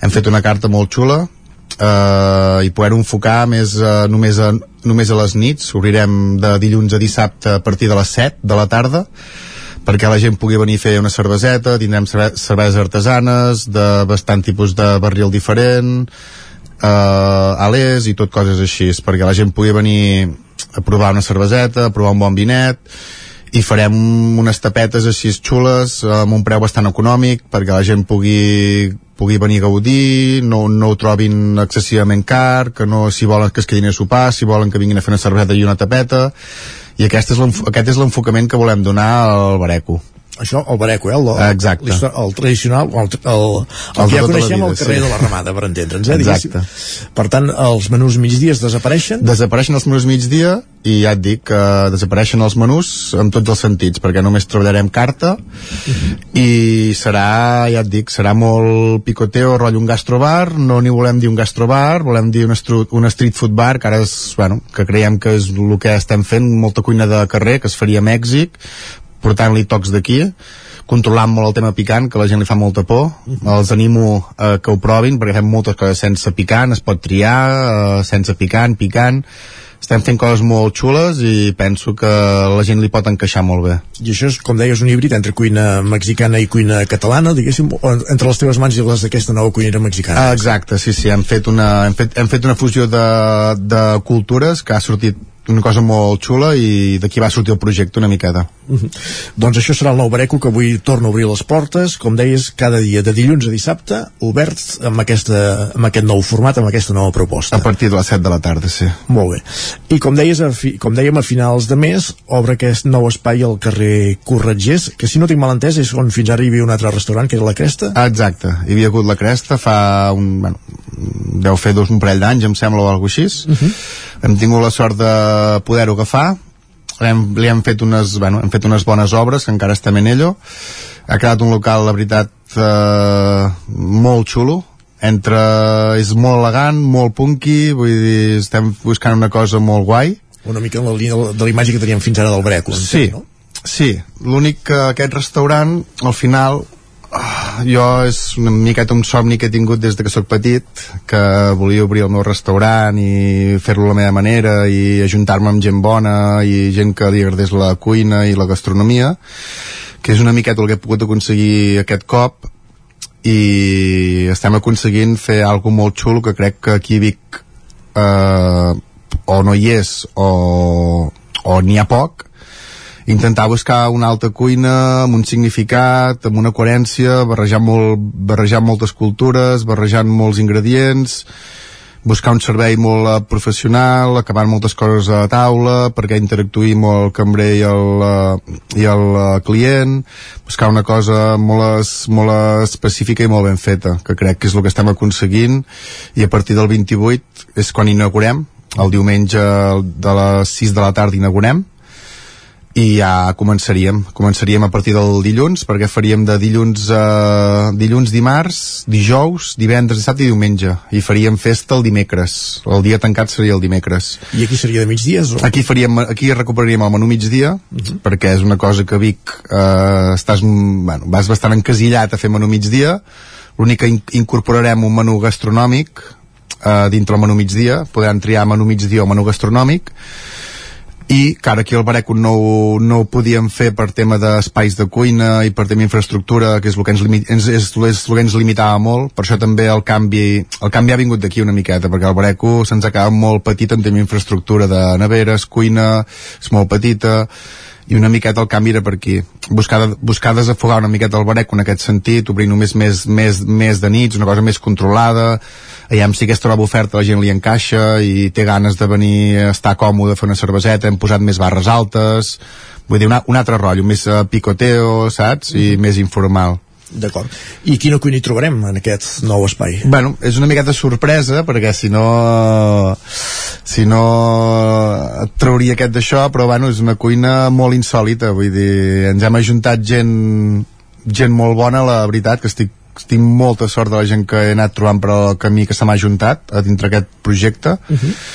i estem fent proves de cuina i estan sortint coses molt guais eh, busquem un nivell de cuina bast bueno, fins on puguem arribar nosaltres mateixos, vull dir, al final el límit ens el posem nosaltres. Si tenim una bona cuina, que la tenim. Tenim una cuina grossa. I volem fer coses perquè la gent vingui a disfrutar. El meu, la meva filosofia una miqueta és és rotllo que tu no vinguis a sopar per passar el rato o per, o per quedar amb algú, que tu vinguis a sopar per venir a disfrutar d'una experiència ga, gastronòmica, tan gastronòmica com a sala, saps? Uh -huh. Vull dir una miqueta que estem buscant plats i estem buscant coses que, que no puguis trobar a un altre lloc que hagis de venir aquí per poder-les eh, degustar està clar que seguirem treballant tema si ara ve tòfona si ara quan, és, quan són bolets si és castanya, sempre tra intentem treballar cuina de temporada però una alta gastronomia. I en aquest aspecte, quin joc hi juguen, per exemple, els vins o la cervesa que comentaves de, del que serà el nou Bareco, per del nou Bareco, clar, hem, el que volem buscar molt és això, treballar unes cerveses, molt, molta cervesa artesana, bueno, estem amb Estrella d'Am, està clar que són gent que ens ha ajudat molt, eh, treballem amb l'Estrella d'Am, però el que volem és potenciar més el tema cervesa perquè poder per venir a les 7 de la tarda fer una cerveseta o també com una, una copeta de vi perquè ja no estiguis obligat a venir a les 9 a sopar a fer-te una ampolla de vi uh -huh. vull dir, que sé, que puguis venir amb tu amb la teva parella, fer una cerveseta fer uns tacos de cochinita o de lo que sigui i si vols et, en fas uns altres o si vols eh, marxes a sopar a un altre lloc, saps? O et pots quedar a sopar allà però vull dir que sigui més, més això, un gastro un gastrobar, per dir-ho d'una manera perquè la gent poder ho, ent ho entengui més perquè el rotllo street food bar poder no poder ens queda una miqueta lluny sí. però bueno, al final és el que es busca sí, és el que es busca, vull dir, al final és perdre la por i dir, tu, jo vull, jo vull fer aquest projecte jo vull, jo vull marcar-me aquesta línia i espero que la gent, si més no, ens dongui la, la, ens dongui l'oportunitat de, de, poder, de poder venir a provar i que es trobi còmode. El que no t'hem demanat d'aquest nou espai que obreu, que obriu a Corregís, quin nom tindrà? Es dirà Insòlid. acabat amb T. Molt bé. I aquest insòlid, com dèiem, a partir del 28 de novembre, obre, com deies, de dijous a dimarts, per entendre's, perquè feu festa els di Ah, exacte. dimecres. El dia festiu serà el dimecres. Només migdies, o també això serà, això serà els migdies i després obrirem divendres i dissabte vespre. D'acord. De cara a l'estiu segu- segurament empilarem horaris de nits, Uh -huh. però començarem així explica'ns com ho fas com t'ho faràs per ser dos llocs alhora bueno, al final jo sempre ho he dit, bueno, també estic col·laborant amb la Gemma de l'Atlàntida, suposo que ja ho sabeu, uh -huh. estic portant la cuina i això. Al final no pots estar a dos llocs alhora. Al final tens que rodejar de gent bona, de, de gent que, que estigui al mateix nivell que tu, que pensi igual que tu, i, i bueno, que vulgui estar al teu costat i al final és el que intento buscar gent que realment m'apoya que realment creu en el meu projecte o que realment creu en la línia que jo segueixo intento posar pilars o gent que conec o cuiners que jo he treballat al llarg de la vida que es puguin posar al meu costat i que segueixin la, me, la meva línia. I jo intentar apagar focs on sigui. Molt bé.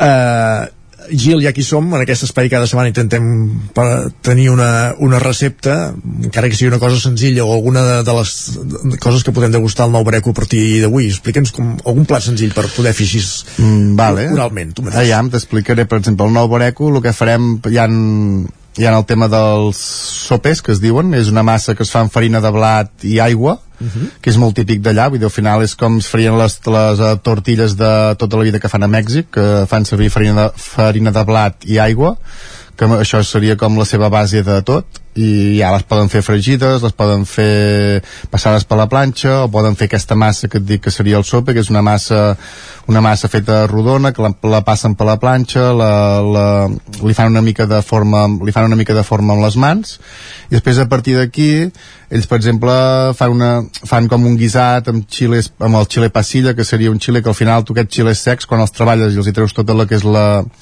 tot el que és la grana al final és el que és, al final, al, al final és el que pica. Si tu al final tens tota aquesta grana i treballes el xile sense, sense aquesta grana l'únic que aconsegueixes és el gust. Vull dir que nosaltres treballem molt sense, molt sense, molt sense picant perquè sabem que a la gent li costa.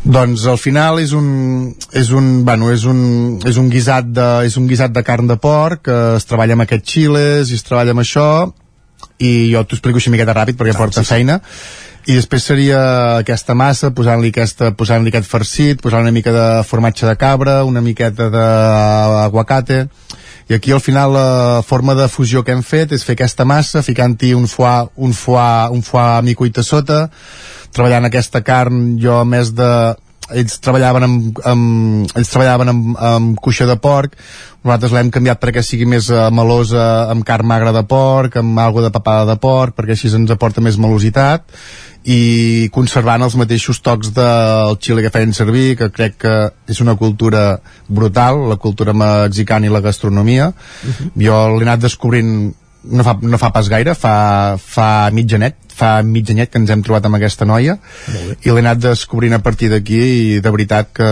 hi han coses que són, in, que són increïbles. Perfecte, doncs haurem de venir al Bareco a partir d'avui que ha fet aquesta, aquest canvi de plantejament, aquest, aquesta oferta gastronòmica de, de vespres, de dilluns a, a dissabte, uh -huh. i que es complementa amb aquesta nova oferta, l'insòlid, que tireu endavant a partir del dia 28 de novembre, en aquest cas més menú de migdies, tret del cap de setmana, que també hi haurà sopars de vespre, més aquesta proposta més personal d'en de, de, Gil Corrius, que ens explicaves que era això, que era el, el restaurant que havia somiat poder fer no sé si somiat, però diguéssim, però que... Sí, que, bueno, allò que tens eh? aquells petits d'allò que des de quan ets petit comença a treballar amb cuines, sempre tens una miqueta un, una miqueta un d'allò ja on vols arribar, saps? Perfecte. Doncs Gil Corrius del Bareco i també d'Osona Cuina, perquè val a dir-ho que ets un d'aquests cuiners joves de, de la comarca que, que empenyeu ara des de, des sí. de fa temps, diguéssim, amb, i esteu al capdant d'aquest col·lectiu d'Osona Cuina per anar mantenint la gastronomia a dalt.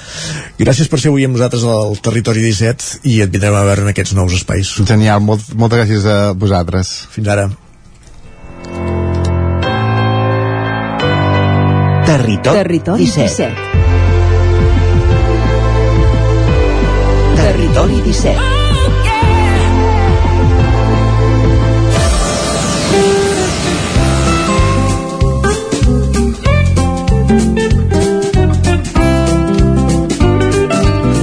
I ara és hora de repassar l'agenda del cap de setmana i comencem des de Ràdio Cardedeu amb l'Òscar Muñoz. Bon dia. Doncs sí, ara farem un repàs breu a les activitats de, per aquest cap de setmana.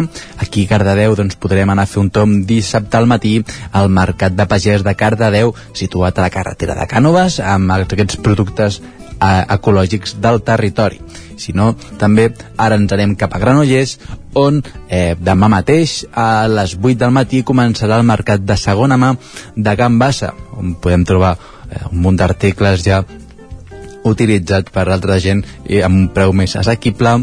Al mercat de productes ecològics i de proximitat això només serà al matí a la plaça de la Corona començarà a les 9 com al mercat de Brocanters durant tot el dia a la plaça Josep Maluquer i Salvador.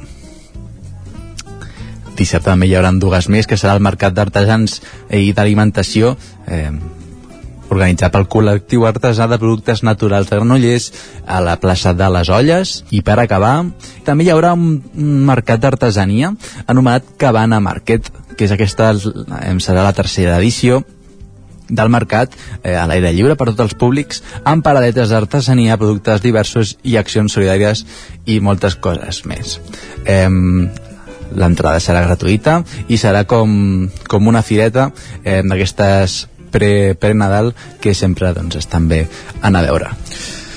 Doncs ens ho apuntem, Òscar. Moltes gràcies i bon cap de setmana. I de Ràdio Cardedeu anem als estudis d'una codinenca amb la Caral Campàs. Caral, actes per l'agenda d'aquest cap de setmana. Sí, per l'agenda d'oci d'aquest cap de setmana aquí a aquesta zona de la part alta del Vallès i del Moianès eh, no tenim gaire cosa, més aviat poca, però bé, us comento algunes activitats que es poden gaudir aquests dies. Um, a Vigues i Riells del Fai, com hem avançat al butlletí, uh, torna el que anomenen Mercat Boig, que és un mercat d'objectes de segona mà i es farà doncs, aquest diumenge de 10 a 2, també paral·lelament hi haurà servei de bar i d'aquesta manera des del consistori es torna a impulsar aquest mercat que es va deixar de fer per la pandèmia. I tots els veïns que ho vulguin poden muntar la seva paradeta amb doncs, aquests objectes de segona mà que vulguin vendre i que doncs, la gent que hi vagi vulgui donar una segona vida Um, després, a Vigues i Riells del FAI també tenim una altra activitat, en aquest cas avui, a les 6 de la tarda, la biblioteca organitza un taller d'iniciació a l'aromateràpia a càrrec de Mai Mandarina, ma, perdó, Mami Mandarina, és Mami Mandarina, eh, fa aquest taller doncs, d'iniciació a l'aromateràpia, com deia, i d'aquesta manera doncs, qui assisteixi aprendrà quins són els millors olis essencials per combatre l'estrès o els refredats, quins d'altres poden ajudar a augmentar les defenses o, per exemple, també a dormir millor. Això avui mateix a les 6 de la tarda a la Biblioteca de Vigues i Riells del FAI.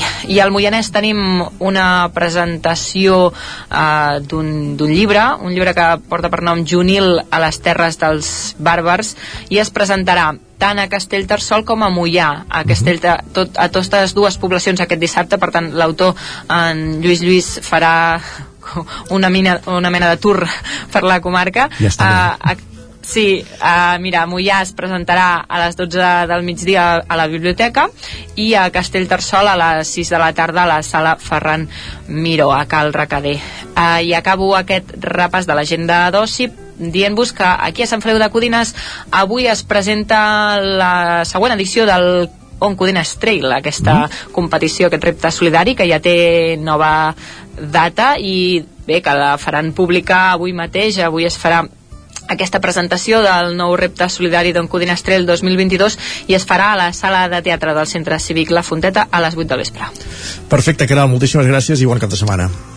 Igualment, gràcies. Adéu-siau. I anem de la, anem d'Ona Codinenca a la veu de Sant Joan per conèixer l'agenda del Ripollès amb l'Isaac Muntades. Bon dia, Isaac. Bon dia de nou. Doncs mireu, aquesta setmana tenim algunes coses també. Uh, per exemple, s'acosta el Dia Internacional per a l'eliminació de la violència envers les dones, que és el pròxim cap de setmana, el 25 de novembre, però aquesta setmana ja hi ha una activitat que és un taller de defensa personal que organitza el gimnàs Li Yang eh, i l'Ajuntament de Ripoll i és eh, a partir de les 12 aquest dissabte, és, és eh, eh, gratuït, serà al pavelló de la Vallaneda de les 10 del matí a, a les 12 del migdia i les inscripcions s'han de fer al Consell Esportiu del Ripollès. I tindrem una bona mestra com és la Dàlia Santiago que és la campiona d'Europa de parat taekwondo que també sí. serà una de les persones que, que hi participarà evidentment evidentment, com perquè treballa també el, el Liang de Ripoll, vull dir que també és una activitat eh, força interessant. Eh, també, aquest dissabte se celebra el Dia Mundial de la Infància i a Ribes de Freser doncs, els, vol fer un reconeixement als seus nens i per això eh, dissabte a dos quarts d'onze, a dos quarts de dues, al carrer de les Eres hi haurà Jocs dels Amics d'en Crusoe que són una col·lecció de jocs mecànics i autòmats, els típics jocs doncs, fets a mà en fusta i hi ha des de trencaclosques a jocs d'habilitat, de coordinació, etc per a infants doncs, a partir de a dos anys. Aquestes són algunes de les activitats. Després hi havia també el playback de Can Davano, però ja sabeu que s'ha suspès perquè eh, doncs hi ha un brot important a, a l'escola de, de Can de Bànol eh, i que ha, bueno, que ha afectat a molta gent, no només als nens de, del poble, de fet es farà un cribatge massiu juntament amb l'escola Badruna de, de Ripoll, aquest avui mateix. Per tant doncs eh, s'ha hagut de suspendre aquesta activitat, però sí que n'hi ha d'altres com per exemple a Molló que estan de, de festa major i durant tres dies doncs celebraran Santa Cecília que les activitats començant amb una caminada popular aquest dissabte a primera hora del matí. Al migdia s'inaugurarà la reforma de l'espai jove i ja cap a la tarda hi haurà campionat de botifarra per als adults i inflables per als més menuts. A la nit hi haurà ball amb la Van Gogh diumenge, en canvi, serà el torn dels actes més tradicionals amb el passant previ a la missa solemne i les sardanes i a la tarda doncs, de diumenge es farà concert i ball amb cafè trio i es proclamarà el mulletenc de l'any. La festa s'acaba dilluns amb un esmorzar popular, també hi haurà cinema infantil i una missa d'honor a Santa Cecília. I per acabar, una activitat eh, cultural que no vam poder comentar dimecres eh, va sorgir també eh, d'última hora, diguéssim, o almenys no la vam tenir localitzada. Al Cinema Comtal de Ripoll, eh, a dos quarts de vuit del vespre, hi haurà l'espectacle La força d'un destí, de Fel Feixedes i, i Pep Poblet, sí. que és un monòleg teatralitzat, amb música en directe i basat en el llibre de Martí Giro- Gironell, que va ser Premi Ramon Llull el 2018, Correcte. i en Fel, Exacte. I en Fel Feixedes i en Pep Poblet ens explicaran la apassionant història d'en Ceferino Carrion, que és un home nascut a Jean Santander l'any Exacte, Jean León, molt bé, exacte. L'any 1928 eh, i que fugint això de la misèria d'Espanya franquista doncs es va convertir, com tu deies bé amb en Jean León, que és el propietari del restaurant més cèlebre de Hollywood dels anys 50 i també d'unes vinyes del Penedès on s'hi elaborava vi del mateix nom. I bé, és una obra de teatre que parla del sacrifici i l'esforç per aconseguir aquells somnis que, que un es planteja. Les entrades ja es poden eh, adquirir en línia o a ripoll.cat a una hora abans de, o també si vols a una hora abans de, de l'espectacle a la taquilla Perfecte, Isaac, moltes gràcies i bon cap de setmana també. igualment a vosaltres I acabem aquesta roda per l'agenda del Territori 17 eh, amb en Miquel R. Avui via telefònica, no el tenim aquí als estudis del 9FM, eh, del 9FM per conèixer l'agenda a la comarca d'Osona per aquest cap de setmana. Miquel, bon dia. Uh, molt bon dia, doncs sí, uh, contacte telefònic aquí uh, a peus de l'Ajuntament de Tona perquè precisament d'aquí uns minuts ens presenten uh, els actes de la Festa Major de Sant Andreu de Tona que s'allarga ja en 20 dies i que tindrà com a dos pols importants. Una els 25 anys de la Sala La Canal, que precisament demà es fa un acte de presentació al poble de, en què consistiran aquests actes de, de celebració de, de, de l'equipament cultural que s'ha convertit una mica no, amb, el, amb el cor cultural del poble, estrenada el 3 de desembre de 1996, i que tindrà com a segon gran focus de festiu el proper cap de setmana amb la vintena edició també de la Fira Joc Joc, eh, aquesta fira així de, de joc alternatiu, tindrem ocasió de parlar-ne eh, la setmana que ve més extensament, perquè això serà el proper dissabte, precisament una de les novetats és que habitualment es feia en diumenge, s'avança dissabte, es reformula també en tema d'espais i per tant Festa Major de Sant Andreu a Tona.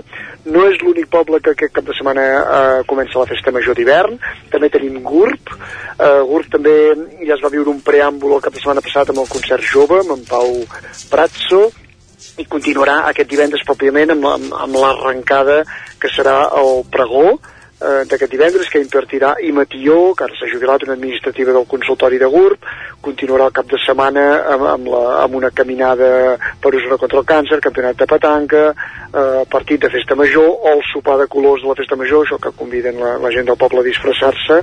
Per tant, primer cap de setmana de festa major que continuarà també, eh, s'allargarà fins al proper 8 de desembre. Més enllà d'aquestes dues festes majors, recordar també que Santa Eulàlia eh, es retroba novament, novament amb la Fira del Fredeluc i la Botifarra.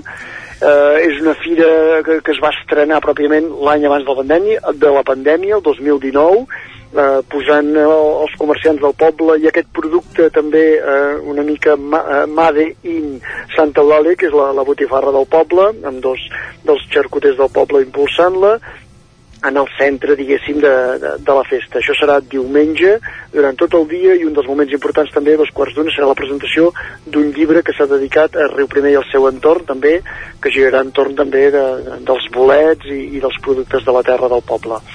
Molt bé. Um, com a fi de recordar, finalment, aquesta més històrica encara, Oristà, Fira d'Oristà, 27a edició, amb aquests anys ha viscut diferents reformulacions, en aquesta ocasió també eh, amb la primera, diguéssim, represa postpandèmia es concentrarà bàsicament al matí, però serà un matí, ja dic, eh, amb espectacles familiars, amb exposicions de tractors antics, amb els productes i demostració d'artesans, per tant, una matinal intensa, que a més a més pinta que farà bo, per tant, un bon dia per fer escapada també fins a Oristà. Molt bé. GURB, Sant Eulàlia i Oristà, ho- és tot o hi ha algun altre acte d'agenda encara per repassar?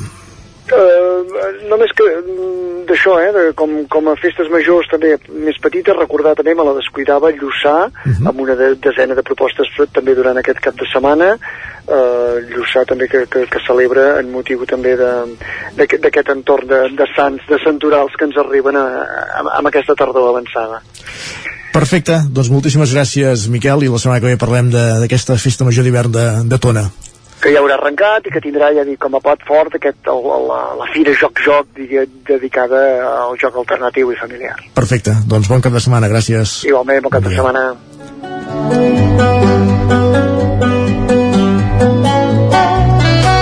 I ens ho deia l'Isaac Muntades, el saxo de Pep Poblet al costat de Fel Feixedes aquest cap de setmana amb aquest espectacle, La força d'un destí a Ripoll, un dels actes de l'agenda d'aquest cap de setmana i amb el qual arribem al final del territori 17 d'aquest divendres, dia 19 de novembre de 2021.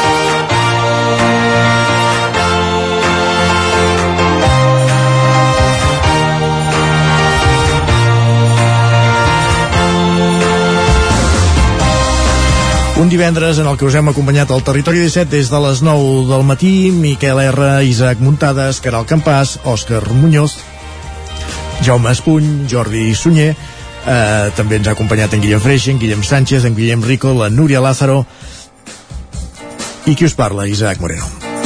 I tornarem dilluns a la mateixa hora, a partir de les 9 del matí, com cada dia aquí. Durant 3 hores fem-vos companyia a la matinal del Territori 17. Bon cap de setmana a tothom.